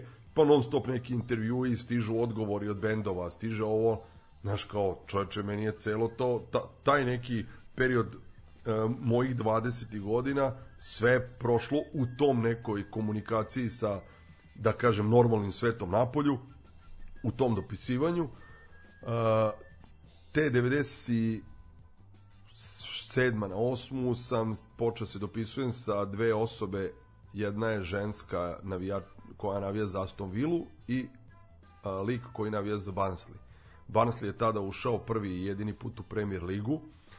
E, ja sam napisao neko pismo nakon što je Savo Milošević napravio glupost na gostovanju no, igrajući za Aston Villa na gostovanju u Blackburnu. Tamo su pukli 5-0 a on je pri tom ono kao pri aktivnom rezultatu promašio neka dva neverovatna zicera i još u jednoj prilici kad je imao tri opcije da doda igračima koji su u neuporedivo boljoj poziciji, on je ono kao nekim halavljenjem ovaj upropastio izglednu priliku i kao sasvim logično što su go, njegovi navijači negodovali nikog, nikog mu nije bio preterano agresivan prema njemu, ali je on te neke zvižduke sa tribina ono kao naš pogrešno protumačio i krenuo da se svađa sa njim. I tu je dale pokazivao i srednji prst ili šta je već, mislim sad već te neke sitnice. Uglavnom je ušao u ozbiljan fajt sa svojim navijačima i to je naišlo i na osudu ovaj kluba i tad je bio ono i na ledu, hoće otići, neće otići, odigrao on tu još do kraja te sezone, nakon čega je otišao, E, ja sam onda kao podstaknut tim njegovim ovaj, incidentom napisao pismo i poslao ga u taj fanzin Aston Villa, tada najtiražniji, Heroes and Villains, koji je izlazio jednomesečno, gde sam napisao kako sam Savu Milošića ispratio od prve utakmice ovaj, u dresu Partizana i da je te takve neke bubice u glavi i ono činjenice da je dobar igrač, ali da mu je ovo nešto što, što, što mu sputava karijeru da je često znao da se da naseda na prozivke sa ono zapadne tribine i znaš kao viknuti dvojica Savo Majmune on ide tamo uz out liniju pa se da, prepire svađa ulazi u, uopšte u raspravu u razgovore pa naravno to onda na takvu reakciju dođe još burnija reakcija sa tribina pa se svađao i sa navijačima igrajući u dresu reprezentacije pa ne znam još jednostavno je bio takav ono tip igrača uh, i ja to sve napišem u pismu, to moje pismo izađe u fanzinu koja je, koji je izašao na dan utakmice Aston Villa Barnsley i taj fanzin kupi ta devojka Ema, ali kupi i taj Stuart koji je doputovao sa navijačima Barnsleya ovaj, I bukvalno istog dana, posle dve, tri nedelje, nakon te utakmice, ja dobijam ta dva pisma, jedno od nje, drugo od njega, gde ona piše kako je ono, long life, die hard, Villa fan, season ticket holder, ne znam šta, od kad ide na Aston Villa, da je rod, tata navija za Aston Villa, brat, cela porodica, Claret and Blue, a druge, kao ajde da se dopisujemo, poslala mi neke suvenirčiće, koji je super, a s druge strane je ovaj, ovaj majstor koji je jedan od kao top likova u toj Barnslijevoj huliganskoj ekipi koja prati svoj klub home and away, koji je hapšen, koji je imao zabrane, koji je 64. godište, uh, uh, pratio i Englesku na gostovanjima, bio na svetskom i u ovoj Italiji i u Španiji, znaš, kao čovek onaj odrastao kraj 70-ih i 80 u vreme ono kao najluđih dešavanja na, na tribinama ovaj, na ostrvu. I ja uporedo se dopisujem sa te dve osobe i dve godine kasnije ta Ema dolazi prvi put u Srbiju. Ja je pozivam, ona dolazi ovamo, to je bilo mm, ono kao 2000-ta na 2000, ovaj, 2001. pardon, uh, znaš, tek pao Milošević, pa kao krenule su te neke promene ili šta već, i onda ono kao njeni šokovi, vodili smo je na par utakmica ovde, pa kad je videla stadion u Kragujevcu, znaš, kao ronulo, tribine se urušavaju, ona pita policajca na engleskom, izvinjam se, gde je ono ženski WC, ovaj, ovaj gleda. gleda belo, ne zna ni šta ga je pitala. Ja pitam, ovaj počeo se smeje, kakav crni WC, a ne ženski WC, razume, nema, kaže, idi otprilike ono gde da, gde da obavim nuždu, što dalje, razumeš, e, to je odgovor bio. Ovaj, jednostavno, ona je tih sedam dana, mi smo se tu trudili, ja i porodica i prijatelji, da je ugostimo i da je provedemo, to smo 24 časa bili, ona je došla sa još jednom prijateljicom, one su oduševljene bile i kao, ej, kad smo jedan dan otišli u Beograd, ona je s pričom, e, mo, ono kao, sad dolaziš ti kod mene. Ma rekao, okay, ali ja sam tri puta odbijen, neće mi dati vizu, nema šanse. Ne. I onda ona kao, ma kakvi kao, nema razloga da ti ne daju, ajde da vidim zbog čega ti neće dati vizu. I tu smo se mi nešto kao ono više drugarski, ma neće mi dati, ma daći ti, gde je engleska, gde je britanska ambasada? Aha, ajmo tamo. Znači, to je tako iz bez veze, dok smo šetali Beogradom. Mi odemo tamo, dobar dan, dobar dan, ona onako, tad sam je prvi put video, inače ono kao, ej, ženska nežna, Sad sam je prvi put video onako malo otresitu, drčnu, kao kad se obratila portiru, kao molim vas, hoću da pričam sa bilo kojim engleskim službenikom, ona kao razlog, pa kao objasnit ću njemu, znaš, kao, molim vas, kao, znaš, kao ja sam britanski državljan, pokazala pasoš, kao, okej. Okay. I ona je pusti unutra. Da, da, da, i uđemo mi zajedno. I tu nas primi neki čovek i on kao, izvolite, šta je? Pa kaže, i ona sad njemu objasni tu par rečenica, ovo ono. I kao, recite mi, molim šta treba da uradim? pa da ovaj, mom prijatelju uzvratim gostoprimstvo. Znaš kao. I onda ovaj ovako malo i bio zatečen pitanjem ovo, pa kao vi pošaljite pozivno pismo, ako je sve ok, ako zadovoljava sve što treba, i ona kao nema problema, ja vas držim za reč.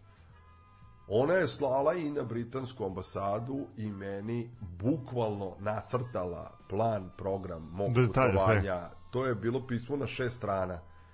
A, umeđu vremenu, drugar iz Beograda se intenzivno dopisivao u to vreme sa jednim a, navijačem Boltona, koji je bio u Beogradu ovaj, tada već dva, tri puta i kojeg sam i ja upoznao i koji je takođe rekao, ej, super, kad budeš dolazio kod EME, računaj da dođeš i kod mene, da budeš ovaj, i moj gost. I ona je u tom pismu sročila bukvalno nacrtala sve. Ono, kao kad odeš u turističku agenciju pa dobiješ po danima. Šta radiš koji dan?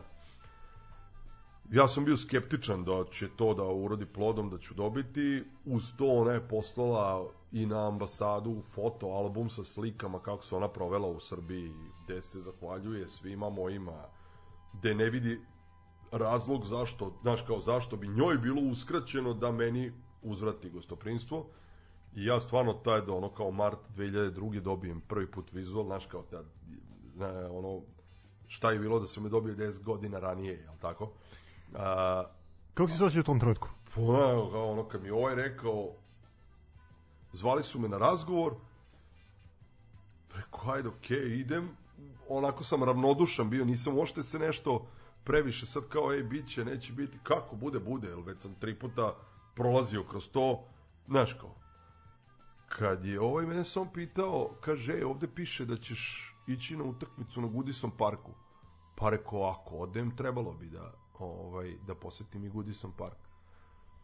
Kaže mi taj službenik, samo mi je rekao, kaže, ok, slikaj se na stadionu, kad se vratiš, zanima me kao kako je na Evertonu, nisam bio par godina. I samo mi pružio pasoš, pasoš je već bio viziran. I kao srećan put. Ja u tom momentu ocekle mi se noge, ruke, ostao bez teksta, ne mogu da izađem napolje, ono suze krenule od sreće. Ja sam tek posle pola sata pogledao u pasoš, rekao jebate viza čoveče. ono, kao da sam dobio Znaš, ošte ne mogu da poredim tu sreću, sad ne, ne, ne znam šta, šta je u tom momentu moglo da me više obraduje. Znaš. Ja sam se ono, to je bilo ne znam koji mart, ja sam posle desetak dana putovao i sad taj prvi odlazak u Englesku gde ja provodim ono skoro mesec dana malo manje a, u tri porodice kod te Eme, kod tog drugara od drugara, kod tog majka koji je ovaj isto jedno onako veliki gospodin i kod ovog Stuarta iz Banslija ali koji se umeđu vremenu preselio u London i a, živeo je u to vreme sa a, ženom i detetom u Južnom Londonu. U toj turi sam pogledao, ne znam, 7-8 utakmica, obišao 30 stadiona, a, znaš, kao sve odjednom, ono, kao sve što si možda trebao u, nekih 7-8 odlazaka da uradiš, ja sam ono kao nadoknadio u tom jednom odlasku, da je to bilo 24 časa akcije. Znaš, kao, ej, ajde samo malo da se dremne koliko organizmu treba, usta i kreći.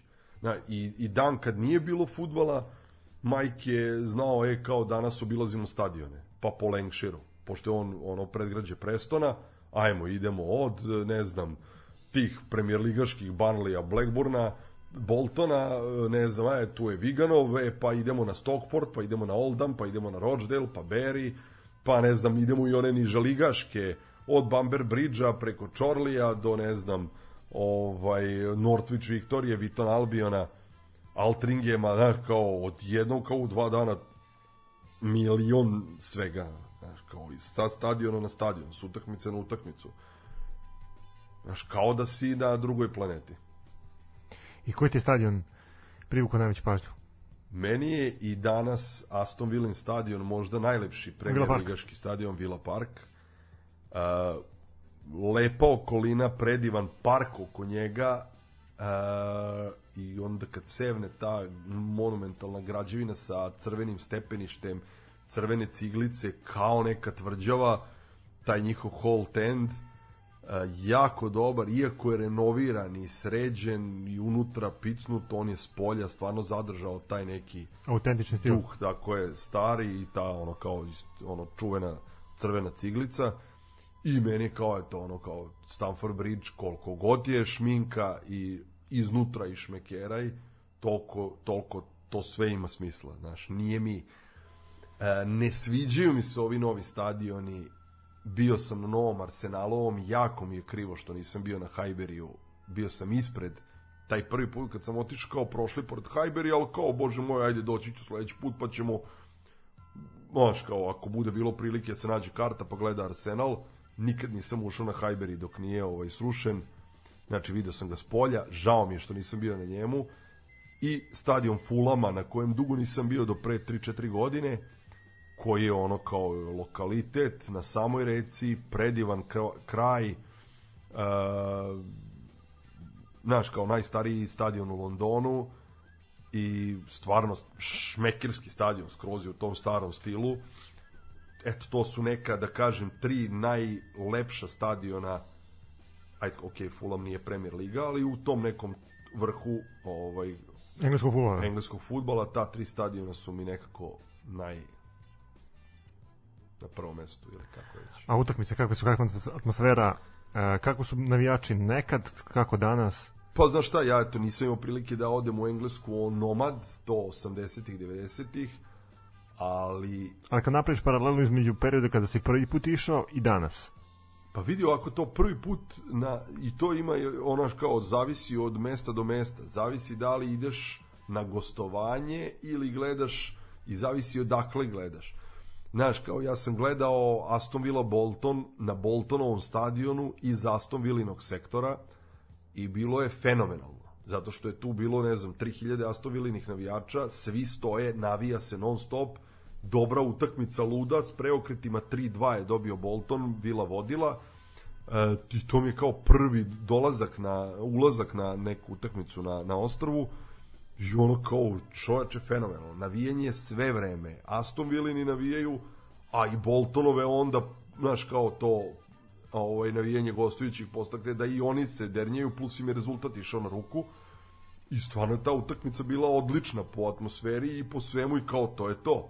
Ali onda sam, na primjer, posle ono desetak dana gledao opet Bolton i Ipswich, ali sam gledao iz domaćeg sektora i to sam imao kartu za taj fa family ovaj, gde su ono kao porodično sa decom, ovim onima, i to je već ono kao sedenje, penzija, znaš, kao jede se hot dog u polovremenu, pije se, ne znam, ono, Sprite ili šta već, gleda utakmica, kad ceo stadion ustane, Wanderers, Wanderers, pa, naš, svi navijaju, ali, znaš, kao uvijek je na, u Engleskoj bolje biti u gostujućem sektoru, jer, znaš, kao na gostovanja idu oni, što kažeš, navijači koji su koji, pra, koji, koji prate klub stalno. Koji prate klub stalno i tamo je, na primjer, evo ti ja sada odemo na utakmicu naše kluba, ti ako si izvadio svoju sezonsku kartu na kojoj piše red 16, mesto 32, ti sediš u redu 16 na mesto 32, a ja ako nisam izvadio zajedno s tobom pa da sedimo jedan pored drugog, nas dvojica na stadionu nećemo biti jedan pored drugog, bit ćemo razdvojeni. Često ono kao iz iste ekipe ljudi budu na različitim tribinama, razumeš, jer se striktno poštuje, jer su stadioni puni, striktno se postuje šta ti piše na sezonskoj karti ili na ulaznici koju si kupio. Dok na gostovanja idu, ide ekipa, idu oni koji navijaju, koji pevaju, koji, znaš, kao i svaki put su mi gostujući navijači ti koji su ostavljali snažni utisak. Jer, znaš, kao na svakoj utakmici na kojoj sam bio posle, svaki put je maltene gostujući sektor pun, koliko dobiju karata, toliko ih ode, pogotovo to Premier Liga i Championship, znaš kao, to, je, to, to su sve brojke u hiljadama i to je uvek ono, sad samo, znaš, kao kad se desi da je baš nadmoćnost ono kao domaće ekipe, pa se ovi od starta ovaj su u minusu debelom, pa kao, znaš, onda je bilo tih tako kao, da ni gostujući navijači nisu nešto, bog zna šta, ali eto, imao sam sreće da, da, da gledam na starom Tottenhamu Portsmouth, Tottenham i Portsmouth, ali iz Portsmoutovog sektora fenomenalna atmosfera bila navijanje non stop.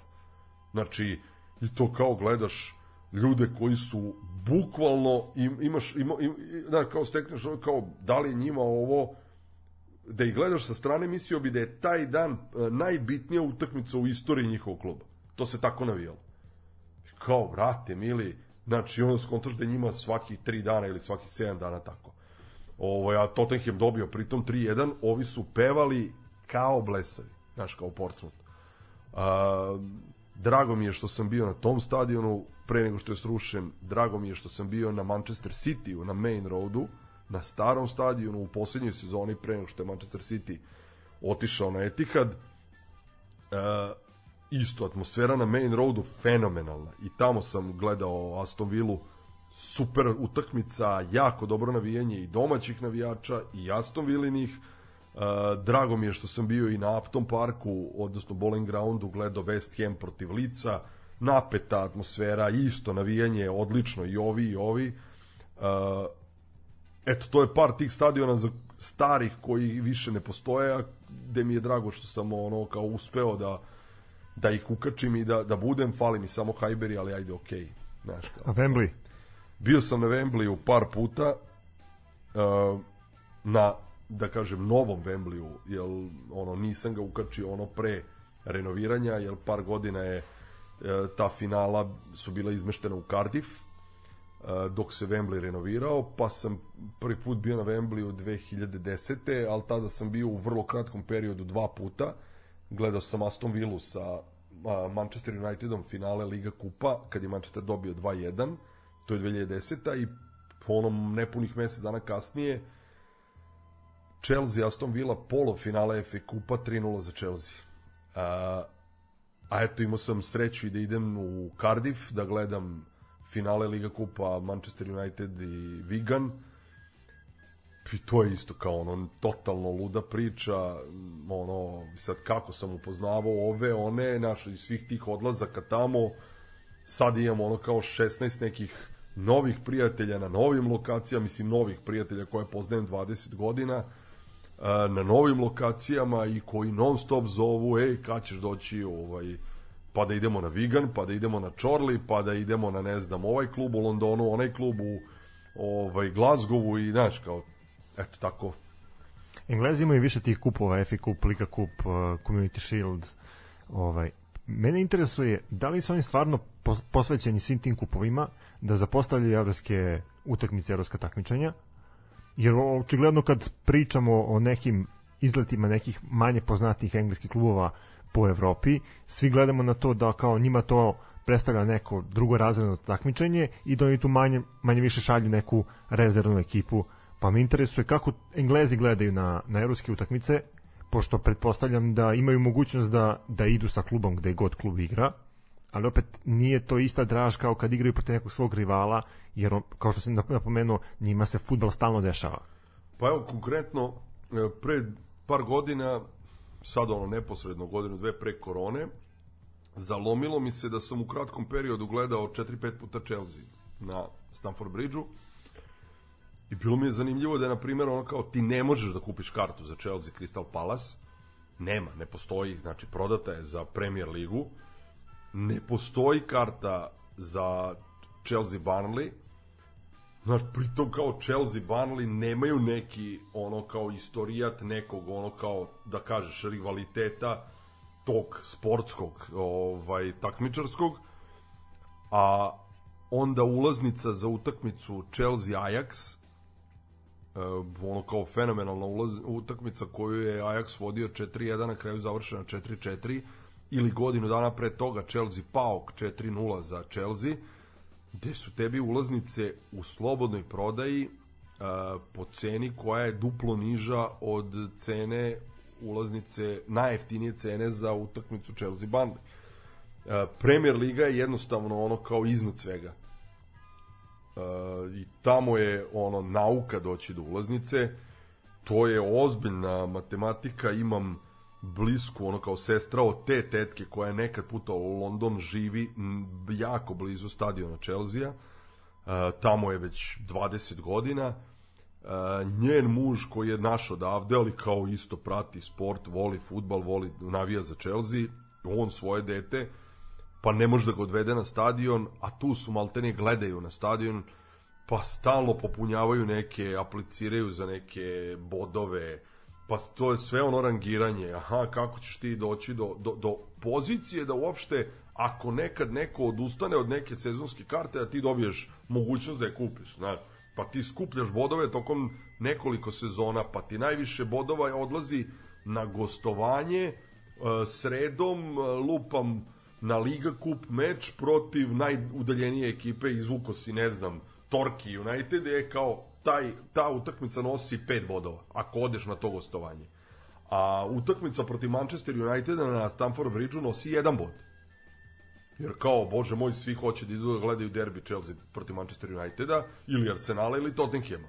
To su te kao ono top utakmice, to je najmanje bodova donose pri tom nekom Znači, bodovanje, koliko imaš tih malih utakmica, koliko imaš gostovanja, koliko imaš odlazaka po Evropi, ovamo, namo, pa tek onda dođeš, uđeš u krug da bi mogao da kupiš pojedinačnu kartu. Pa, sa, pa, se, a do sezonske put ono da se samo zapališ, znaš. Tako da se na razne načine ti ljudi tamo dovijaju kako da uđu na stadion e, i meni je kao, znaš, kao e, svi ti e, veliki klubovi premier ligaški njima su sve te sezonske karte rasprodate. Znaš, i onda kada otpadne deo koji ide na gostujuće navijače, kada otpadne deo koji uh, odlazi sponzorima ovih, onih te protokolarne ulaznice, ostane jako, jako mali, mali kontingent karata koje se puštaju u slobodnu prodaju. Pritom i ta slobodna prodaja ne ide baš uvek e, ono ko kod nas, evo sad možeš da kupiš kartu, pa ne kupi ko hoće, znaš. A za ove utakmice, jer sezonska ulaznica tamo važi samo za Premier ligu, a za sve ostale kupove, nevezano da li su njihovi domaći ili evropski, puštaju se kompletno kapaciteti u prodaju i zato često bude znaš kao usred sezone igraš protiv nekog ono Altringema to znaš kao da li će biti hiljadu dve manje od kapaciteta ali je realnije da ćeš doći do, do, do, do ovaj do ulaznice a definitivno je da njima više znači da gledaju utakmicu u Premier ligi uh, Chelsea Norwich ili sad ja sam se ono kao uvatio Chelsea, Tottenham, uh, ne znam, Leicester, nego da gledaju utakmicu u Ligi Evrope između Tottenhema i Šahtjora. Na primer.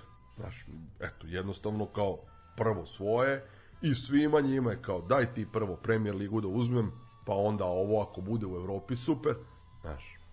Za Engleze važi ta tradicija da oni te season ticket holdere uh, posebno vrednuju te ljude koji imaju sezonske karte i da se sezonska karta nasleđuje, odnosno nasleđuje se to mesto.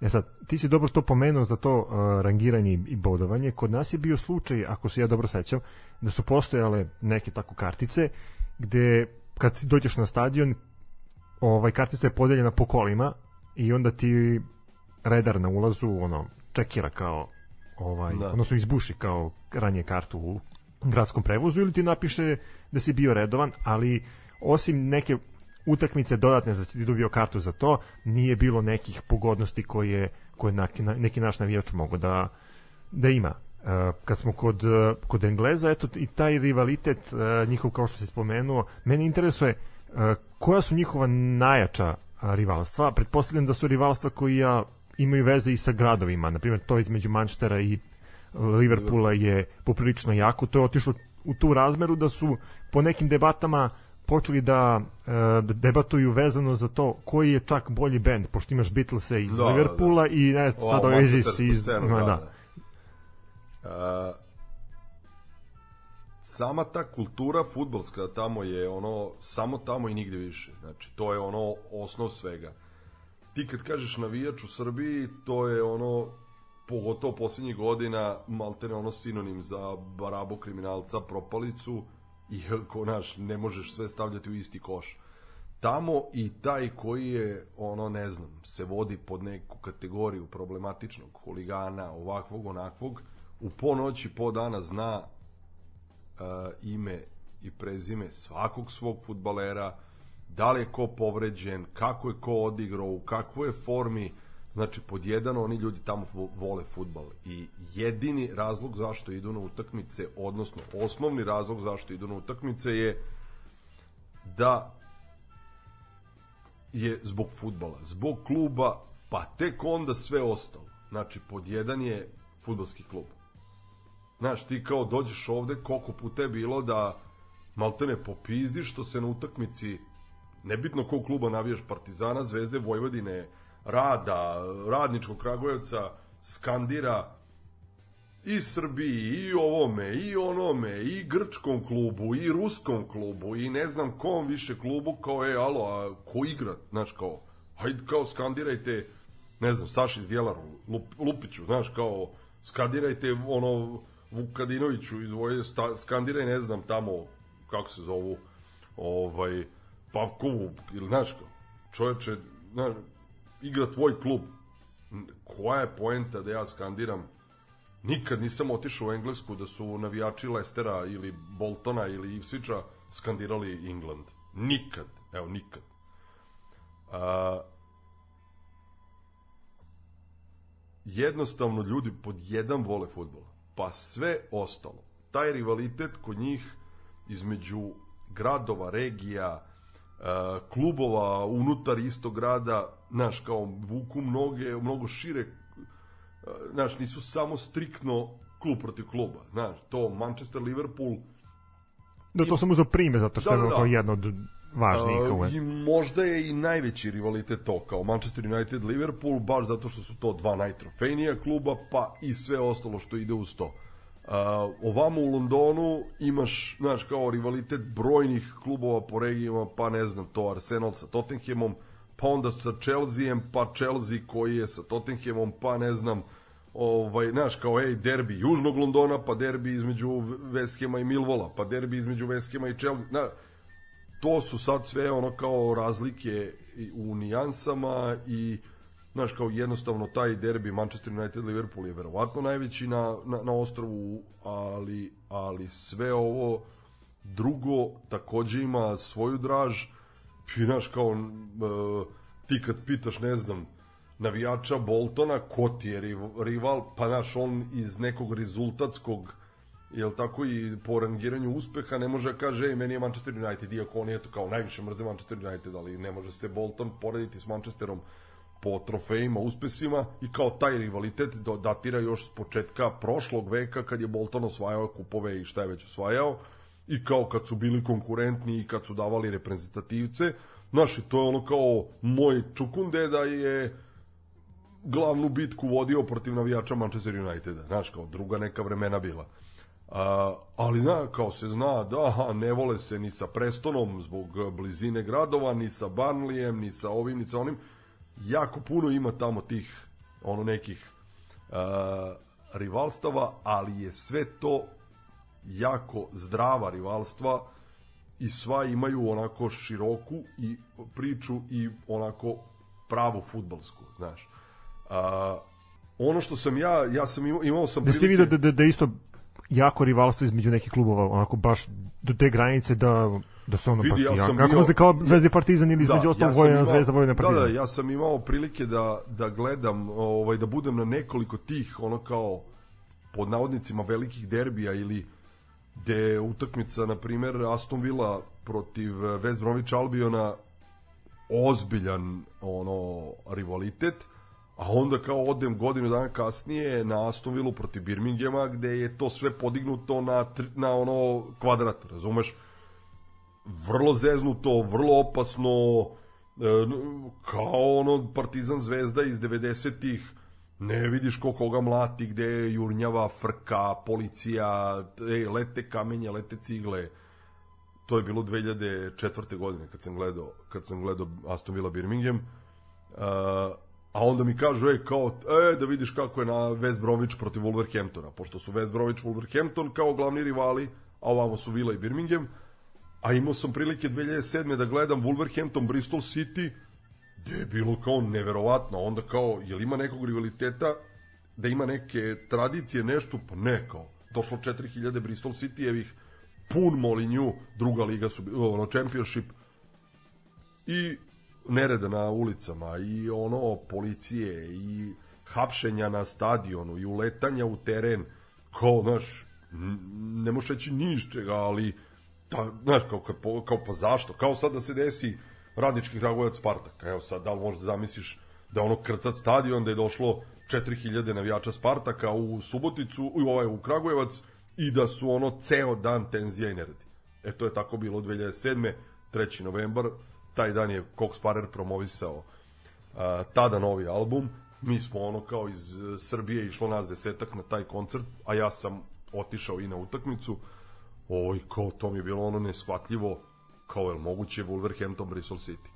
Uh, imao sam priliku i mogu da kažem i čast da idem na nekoliko gostovanja sa Milvolom, te, ta, taj prvi odlazak u Englesku 2002. Uh, e, kad sam otišao da gledam uh, u aprilu tri kola pre redovnog kraja ovaj prvenstva u čempionšipu uh, Coventry Millwall su igrali Millwallu je trebala pobeda za baraž za tadašnji play-off. E, čak im je i nerešeno igralo. E, oni su dobili 1-0, utakmica se igrala petak veče, njih je otišlo 3000 tamo, totalno ludilo. Znači, i navijački, i pesma, i ne, znači, onako ono, i, i, i stalno imaš osjećaj kao bok te mazo, pa je moguće da je to tako na utakmici koja jeste bitna, ali znaš kao šta bi bilo da još znaš da Da osvajaju da. nešto, na.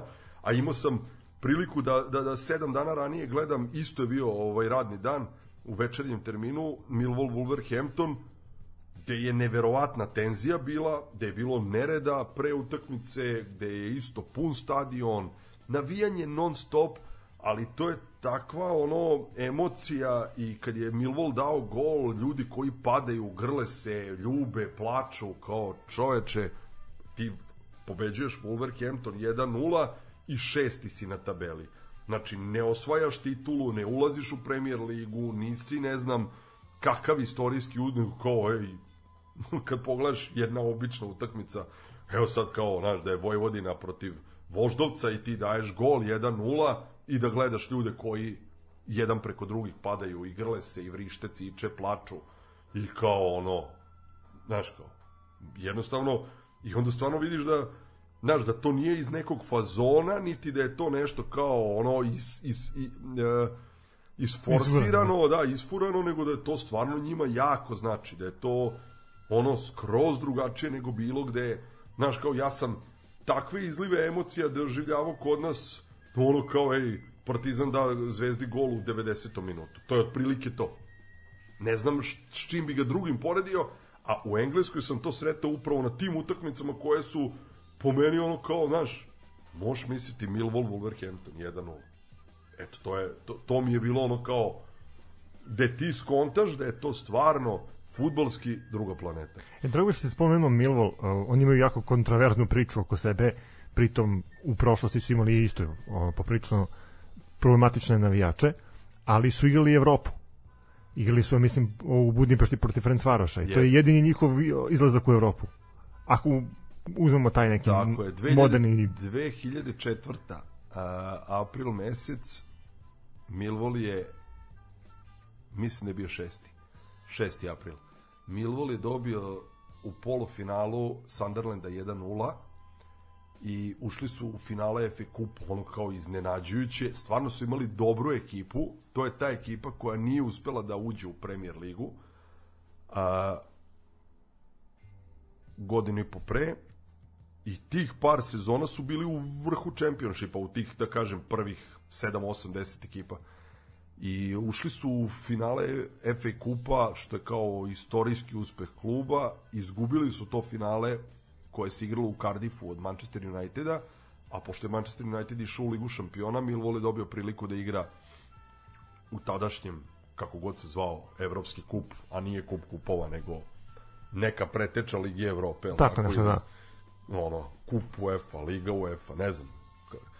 A, utakmica igrana jedna tamo, jedna vamo, ja sam išao u Peštu, išlo je nas iz Srbije, onako, bilo je ljudi, kako se ko organizovao i za upad i za ovaj kako se zove odlazak nas je troje četvor, četvoro nas je išlo odavde iz Novog Sada preko drugara koji su uh, u, koje znamo iz Mađarske kojima smo mi sređivali neke akreditacije ulaznice za ovaj utakmicu u Srbiji uspeli smo da dobijemo ulaznice za uh, da, da se dokopamo ulaznica za taj meč ovaj na starom Ferencvarošovom stadionu Albert stadion, tako da. pa ne znam Da. kako se zove stadion taj današnji Da, je Florian, Florian, da, da, da, jeste. jako ono ne liči na one, ono je bila prava ona ruina ovaj iz vremena ono kao znaš ono iz tog DDR istočnog bloka ono kao da gledaš stadion ono neke ono kako se zove ovaj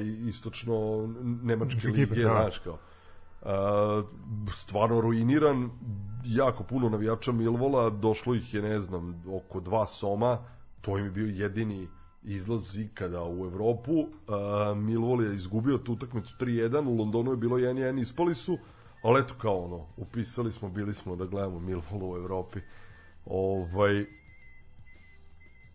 Kad smo kod Budimpešte, ti si sad bio u Budimpešti, gledao si Mađarska, Engleska. da Prošli ceo ovaj COVID. pre fazon. mesec dana Da. Ovaj, pa me interesuje kako Mađari organizuju tu utakmicu, kako je kod njih bilo. Uh, engleskih bilo- navijača nije bilo. Mm, bilo je zabranjeno i ta komplikacija oko povratka Engleza, mis, pra, problem su kao povratak Engleza je pov, problem Da, njihovo, kući. njihovo stanje u zemlji, tako? Tako je, tako je. Jel tamo oni kao, ne znam, zahtevaju, e, aha, ako si otišao tamo, kad se vratiš moraš, ne znam, kakav karantin, ovo ono, pa je onda odlučeno i e, sa Futbolskim sajezom Mađarski da uopšte ni nema prodaje karata za, za gostujući sektor. Uh, opet preko tih prijatelja koji su ovaj tamo Mađari, koje znam dugi niz godina, nabavio sam dve ulaznice i bio poprilično šokiran što ono kao grad koji je na dva i po sata vožnje od Novog Sada, država koja, s kojom se graničimo, ne postoji, niko ne pominje koronu, ne, nula, znači korona ne postoji.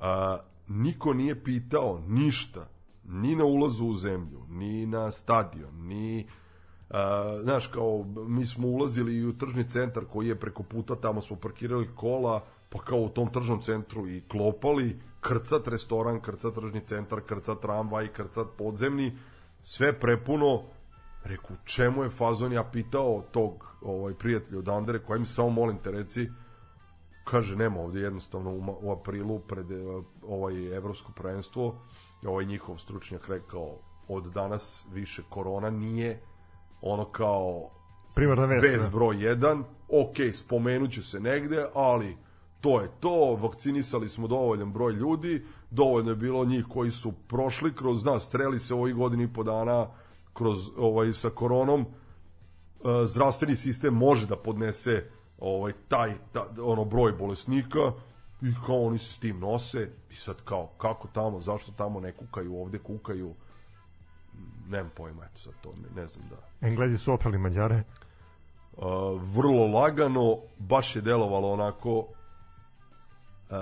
znaš, da Mađari nisu imali ni jednu ozbiljniju šansu, a pritom su Mađari odigrali vrlo korektno ovo prvenstvo sad ovo evropsko uh, ni jednu ozbiljniju priliku da kažeš ono ni jednog momenta je, prvo poluvreme je samo bilo ono kao tvrdo i Mađari koji se onako organizovano brane i ti znaš sad kao čim padne prvi gol Engleza jer nema šanse da će ga Mađari dati da tu onda će se samo brojati koliko će do kraja biti jer ovi će se kao otvoriti i tako je stvarno i bilo. Kako je krenulo drugo poluvreme kad je prvi ovaj pogodak e, pao do kraja moglo da ih bude 7 bilo je 4 Englezi dobili lagano 4-0 malo me iznenadilo za sve ono što se dešavalo na tribinama na stadiona na kojem je bilo 65.000 gledalaca. Da se to desilo u Srbiji ja mislim da bi ono reprezentaciju ili bilo koji naš klub doživotno izbacili vrlo vrlo ono i e, otvoreni oblici i rasizma prema tom napotim engleskim igračima i tog nekog ono njihovog Nacionalizma, da. nacionalizma, da, da, da. To je tamo kao aktuelan fazon, ali mi je ono kao stvarno, sad nisam dalje pratio da li je, znam da je bilo po medijima kao, ne znam, da su Sterling, Bellingham, ovi oni koji su već tamo tamo poti igrači bili ovaj kao izloženi bili rasističkim uvredama sa tribina. Meni je ovaj nisam ispratio da li je Mađarska kažnjena i nekako sankcionisana za za te ispade. Siguran sam da bi eto prvi Partizan ono dobio dvogodišnju zabranu samo za to što je za taj ono kao Incident i- vezan incident- na osnovi osnovi. Da, da, da, da, da, sigurno. E, tokom ovog razgovora našeg ja sam dobio dve poruke. Jedna je vezana za dresove. Uh, neko je poslao poruku koji ti je dres uh, najlepši i koji ti je bio najznačajniji u, periodu kad si počeo da pratiš uh, engleski futbol. A druga je bila vezana za memorabilije. Uh, da li Englezi više vrednuju ulaznicu ili program? E, dresovi ti koji su bili 80-ih. i- Pa ili evo, Ne, ne, ne, ja kažem 80-ih dresovi, to je neprevaziđeno. E, to dok je Umbro bio taj koji je ovaj bio broj 1 e, sportska marka na ostrvu i taj engleski dres sa svetskog prvenstva u Meksiku to mi je ono savršenstvo na primjer. A, i, znači 86. takođe i dres e, taj atipični sa tom ovaj gore plavom i crvenom prugom je sa, iz Španije 82. mi je isto fenomenalan već ono kao 90. Italija i, šp, i ona kako se zove posle toga šta je bila v, ne Ameriku 90, nisu Amerika, nego 98 kasnije, ono, Francuska. već, već mi to nije bilo to. A, svi klubski dresovi kraj 80-ih, početak 90-ih, fenomenalni. Znaš, kao ti, st- stvarno kad se setim, ja sad kao, pogotovo kao klinac, a, kad sam tad video taj rezervni Manchester City beli dres Umbrov, predivna, onako mala V izrez reklama, ova V izrez i da. bez, bez reklame, a na neke tanke e, crvene i crne prugice ono kao dres koji možeš svatove da nosiš. Znaš, pa onda ne znam, ovo isto Chelsea dres, ali je bio Le Coq Sportif isto fantastičan. Sećam ga se iz tog perioda.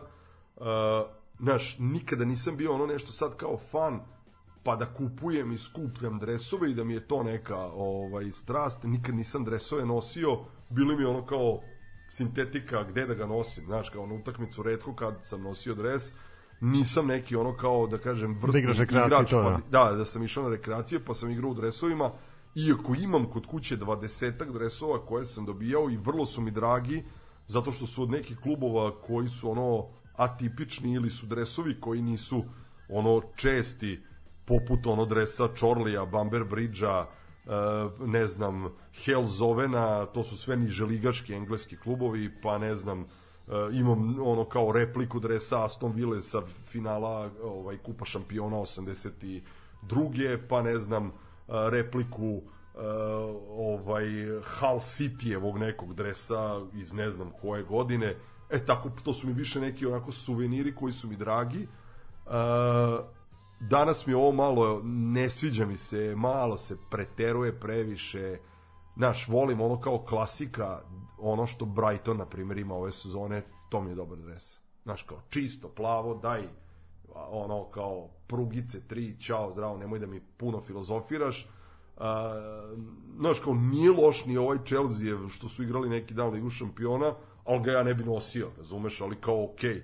Uh, nerviraju me te fluorescentne varijante uh, izmišljanja trećih boja, ali to je sad sve komercijalna ono kao crta.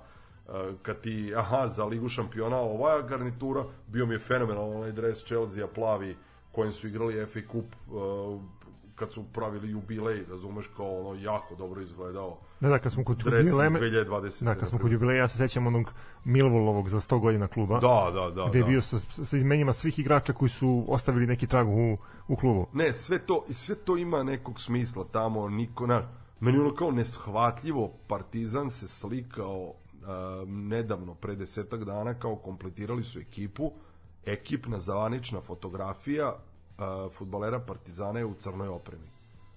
Pa kao, da li je moguće, ono, okej, da ti je to jedna od boja, ali u čemu je fazon što se nisi slikao u crno-beloj? Znaš, kao, Da, pritom se taj dres kao navodno promovisao da, da, kao da, nešto da, i novo kao, desilo. E, ovo je da. novi dizajn Partizanovog dresa i ti umesto da potenciraš taj dres, Partizan od 20 utakmica ove sezone je u tom dresu u, koji ti je kao novi, koji je drugačiji onog, od onog standardnog prugastog, igrao pet puta i pritom ne uradiš timsku sliku u tom dresu, nego uradiš u kompletno crnom. No, ja mislim da to u Engleskoj ne može da se desiti. Zamisli Manchester United da izađe i da, da se uslika timska slika u trećem dresu. Znači, šansi nema da se desi. Znači, to su neke stvari o kojima se tamo jako vodi računa, ali ne na nivou Manchester Uniteda, Chelsea, Tottenhama i Liverpoola, nego na nivou ono uh, ko, konferencije Sever, razumeš? Tamo i taj ono i Altringham i ne znam Bradford Park Avenue vodi računa u kom dresu će izaći, slikati se kad igraju kao domaćini, zna se šta je domaći dres, zna se šta je gostujući dres, a ne ono kao, brate, mili, ne znam. Čak i kad su krenuli sa tom komercijalizacijom stavljanjem uh, imena sponzora na dresove, ti sponzori su dugo godina ostajali, pa imamo taj Manchesterov sa uh, Mo, prvo krenulo i Vodafonom i sa Sharpom, Sharpom, da, pa naravno. imamo Arsenal GVC. Znaš, kao znalo se 100 godina šta je Liverpool, znaš, kao i Done Carlsberg i što kažeš Arsenal, GVC i Chelsea je u, u, od, od kada je počela ta ono kao sa reklamama promenio pet sponzora, nije imao svake sezone da, imao razumeš? autoglas, tako? Imao autoglas, pre toga ne znam, onaj Kors pivo i pre toga Commodore, i kompjuteri, ćao, to je to, razumeš, i sad ovo je, sad šta su one neke osiguravajuće kompanije ili šta su već, ni ne znam šta je ona trojka, ne pojma. A drugo pitanje za memorabilije, šta je važnije, ulaznice ili program? A, Na šta više obraćaju pažnju, šta ih ono više... Vidim da jako pizde na ove digitalne varijante ulaznica, jer imaš ono opciju koliko god to olakšava varijantu i uopšte izbacuje onu varijantu, ej, kupio sam kartu, pa čekam da mi stigne, pa ne znam šta, toliko masovno navijači pizde na to što ono kao, ej, ulazim na, na, na, Na bar mobil, kod. na, bo, na bar kod na mobilnom telefonu, znaš. I ovaj, E, bojim se da će za par godina da se ono fizičke ulaznice maltene izbace iz upotrebe, ne bi voleo, nadam se da neće, ali nekako mi naginje da sve ide u tom pravcu. E, a što se programa tiče, rade ga svi klubovi od kad postoji futbala za sve žive utakmice. Jeste da je na par uh, od tih malih ekipa ono zbog finansijskog momenta uh, ne rade redovno nego ga rade na primjer jedan program za dve domaće ili ga rade kao PDF pa ti imaš opciju znaš, ali uglavnom od ono ne znam 90% klubova radi program na 90% utakmica su svi ti programi uh, rastureni, rasprodati ljudi dalje to imaju kulturu kada ode, zna se kupit ću program, uh, ako ima ispred da neko prodaje i fanzin, kupit ću i fanzin, znači sad ono kao da li više poklanjaju pažnju e, skupljenju ulaznica ili programa, nekako mi je to neodvojivo, znaš ti dalje tamo imaš ono po engleskoj sajmovi na kojima se uh, razmenjuje i trguje samo futbolskom memorabilijom, tim tako programima, znaš kao odeš ispred Stamford Bridge-a, uh, kad god sam otišao, isti Čiča je sa ozbiljnom tezgom na kojem, na kojem je milion Čelzijevih programa i to je najzauzetija tezga do samog početka utakmice. Znači, i ti onda skontaš koliko je to tamo ozbiljna stvar. Kod nas programi su već izbačeni iz upotrebe, ulaznice su takve kakve jesu. Nas je to uvek obraduje kada vidimo neku ulaznicu maho manjeg nekog tima koji uđe u, pr u prvu ligu, pa napravi neke onako interesantne ulaznice, mahom su ove digitalizovane koje radi Ticket Line, ono već generične, da, da. šablonske, da. Samo se promeni ime i promeni datum i to je to. Ovaj, a, zanim, eto, pošto se prolako privodimo kraju naš razgovor, a, knjigu Moja engleska možemo da naručimo preko interneta online, da li će biti u slobodnoj prodaji u nekim knjižama? Ja sam, eto, knjigu ne mogu kažem da sam planirao da pišem. Ceo život nešto piskaram. Stvarno skupljam ulaznice sa svake utakmice na koje sam bio od kad sam otišao na prvu. Znači ja u poslednjih 35 godina imam sve, sve ulaznice.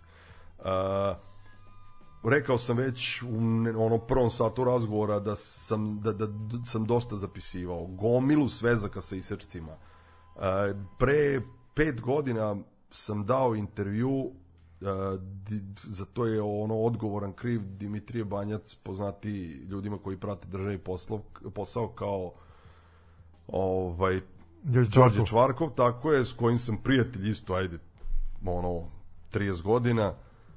On je me preporučio momcima koji vode sajt Engleski futbal, oni su me intervjuisali i taj intervju koji je objavljen na ovaj na stranici i na Facebook profilu ovaj engleskog fudbala je bio nešto jako posjećen, čitan, ja nemam društvene mreže, ne pratim, nisam to ispratio. Na konto tog intervjua javio mi se momak kojeg nisam do tada znao, živi u Novom Sadu, ej, kao i ja bi voleo da ti ako možeš u tom stilu kako si taj intervju, da napišeš o svojim ono vezama sa Englezima, sa ovaj engleskim futbalom, kako si uopšte došao, eto, da ti taj intervju bude model i on bi to da izda. I ja sam u, u, u tih godinu i po dve imao i neko ono kao porodično ovaj desilo se da mi se otac na, na, na, naprasno razboli, da umre, pa korona, pa sve i to se malo prolongiralo. I ja sam ovog proleća tu knjigu završio. Stvarno sam eto, ono kao krenuo od najranijih sećanja uh, dodira sa futbalom i dodira sa engleskim futbalom i dosta tema o kojima smo večeras pričali sam provukao i spomenuo i došao do, do, do, do, do ono kao te neke 2002. i mog prvog odlaska u Englesku i šta sam sve prošao i doživeo tamo, on je bio prezadovoljan tim tekstom i otprilike mi rekao, ej, nemoj, imamo dovoljno materijala, e, pritom je tražio, on je pročito knjigu i pitao me po segmentima, ej, imaš čime da ilustruješ ovo, pa ovo, pa ovo, ja sam imao bukvalno sve što je on tražio, da li isečak, da li crtež, da li neku zabelešku moju ili pismo od Stuarta ili od TM ili fotografiju, ulaznicu, program. I malo sam se iznenadio kad sam video ono kao rezultat, nisam hteo uopšte se mešam u sam dizajn i kako će on to, jer on je kao eto, njegova ideja, on je izdavač, rekao ajde prvi put, pošto se vamo bavim i ja ovaj, kao urednik u Studentskom kulturnom centru izdavaštvom, uh, između ostalog i izdavaštvom, rekao ajde ja stanem sad na onu stranu, uh, knjiga koja je na 280 strana ima skoro stotinak fotografija unutra on, ovaj, i one nisu ono po segmentima uh, umetnute u knjigu, nego bukvalno svaki taj imidž svaka slika u knjizi prati priču. priču. Znaš. E, tako sam ja ono kao generalno zadovoljan vizualnim kao izgledom knjige. E, dobra mi je i ta naslovna gde je i on došao na ideju, ej, pomenuo si da imaš dosta značkica raznih klubova, daj da ih sve grupišemo i da ih fotkamo. To je, to, to je eto kao deo nekih značkica koje su kao iz moje kolekcije koje skupljam ono preko 20 godina. E, knjiga će zvanično biti promovisana sutra, ove nedelje pojavila se prošle, prošlog vikenda, ove nedelje je bila dostupna samo preko sajta izdavača jež.rs, sutra je ta novosadska promocija od 19 časova u knjižari Boulevard Books, od ponedeljka bi trebala da bude redovno u prodaji u knjižarama širom Srbije, ne, sad nisam u detalje ulazio, treba da bude i u regionu, uh, planirana je beogradska promocija da bude na beogradskom sajmu, uh, ono kao na sajmu knjiga, još uvek je pod znakom pitanja da li će se taj sajam krajem oktobra desiti zbog aktuelne ono kao situacije sa covidom, ali kao evo, znaš, od ponedeljka da kažemo da će da će uh, knjiga biti dostupna i u slobodnoj prodaji, ne samo na ovaj preko sajta.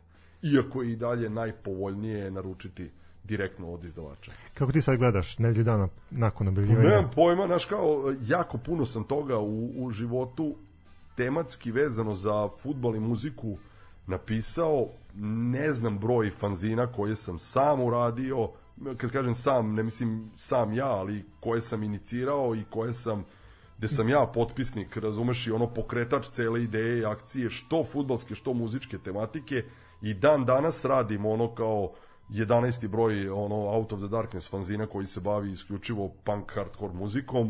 E, do nedavno smo radili nas nekoliko sa crno-bele nostalgije, fanzin koji se bavi istorijom Partizana, Professor Historical. Ideja, plana mi je da uradimo i neku ono kao objedinjenu knjigu za 80 godina kluba, pa da tu provučemo celu istoriju kluba.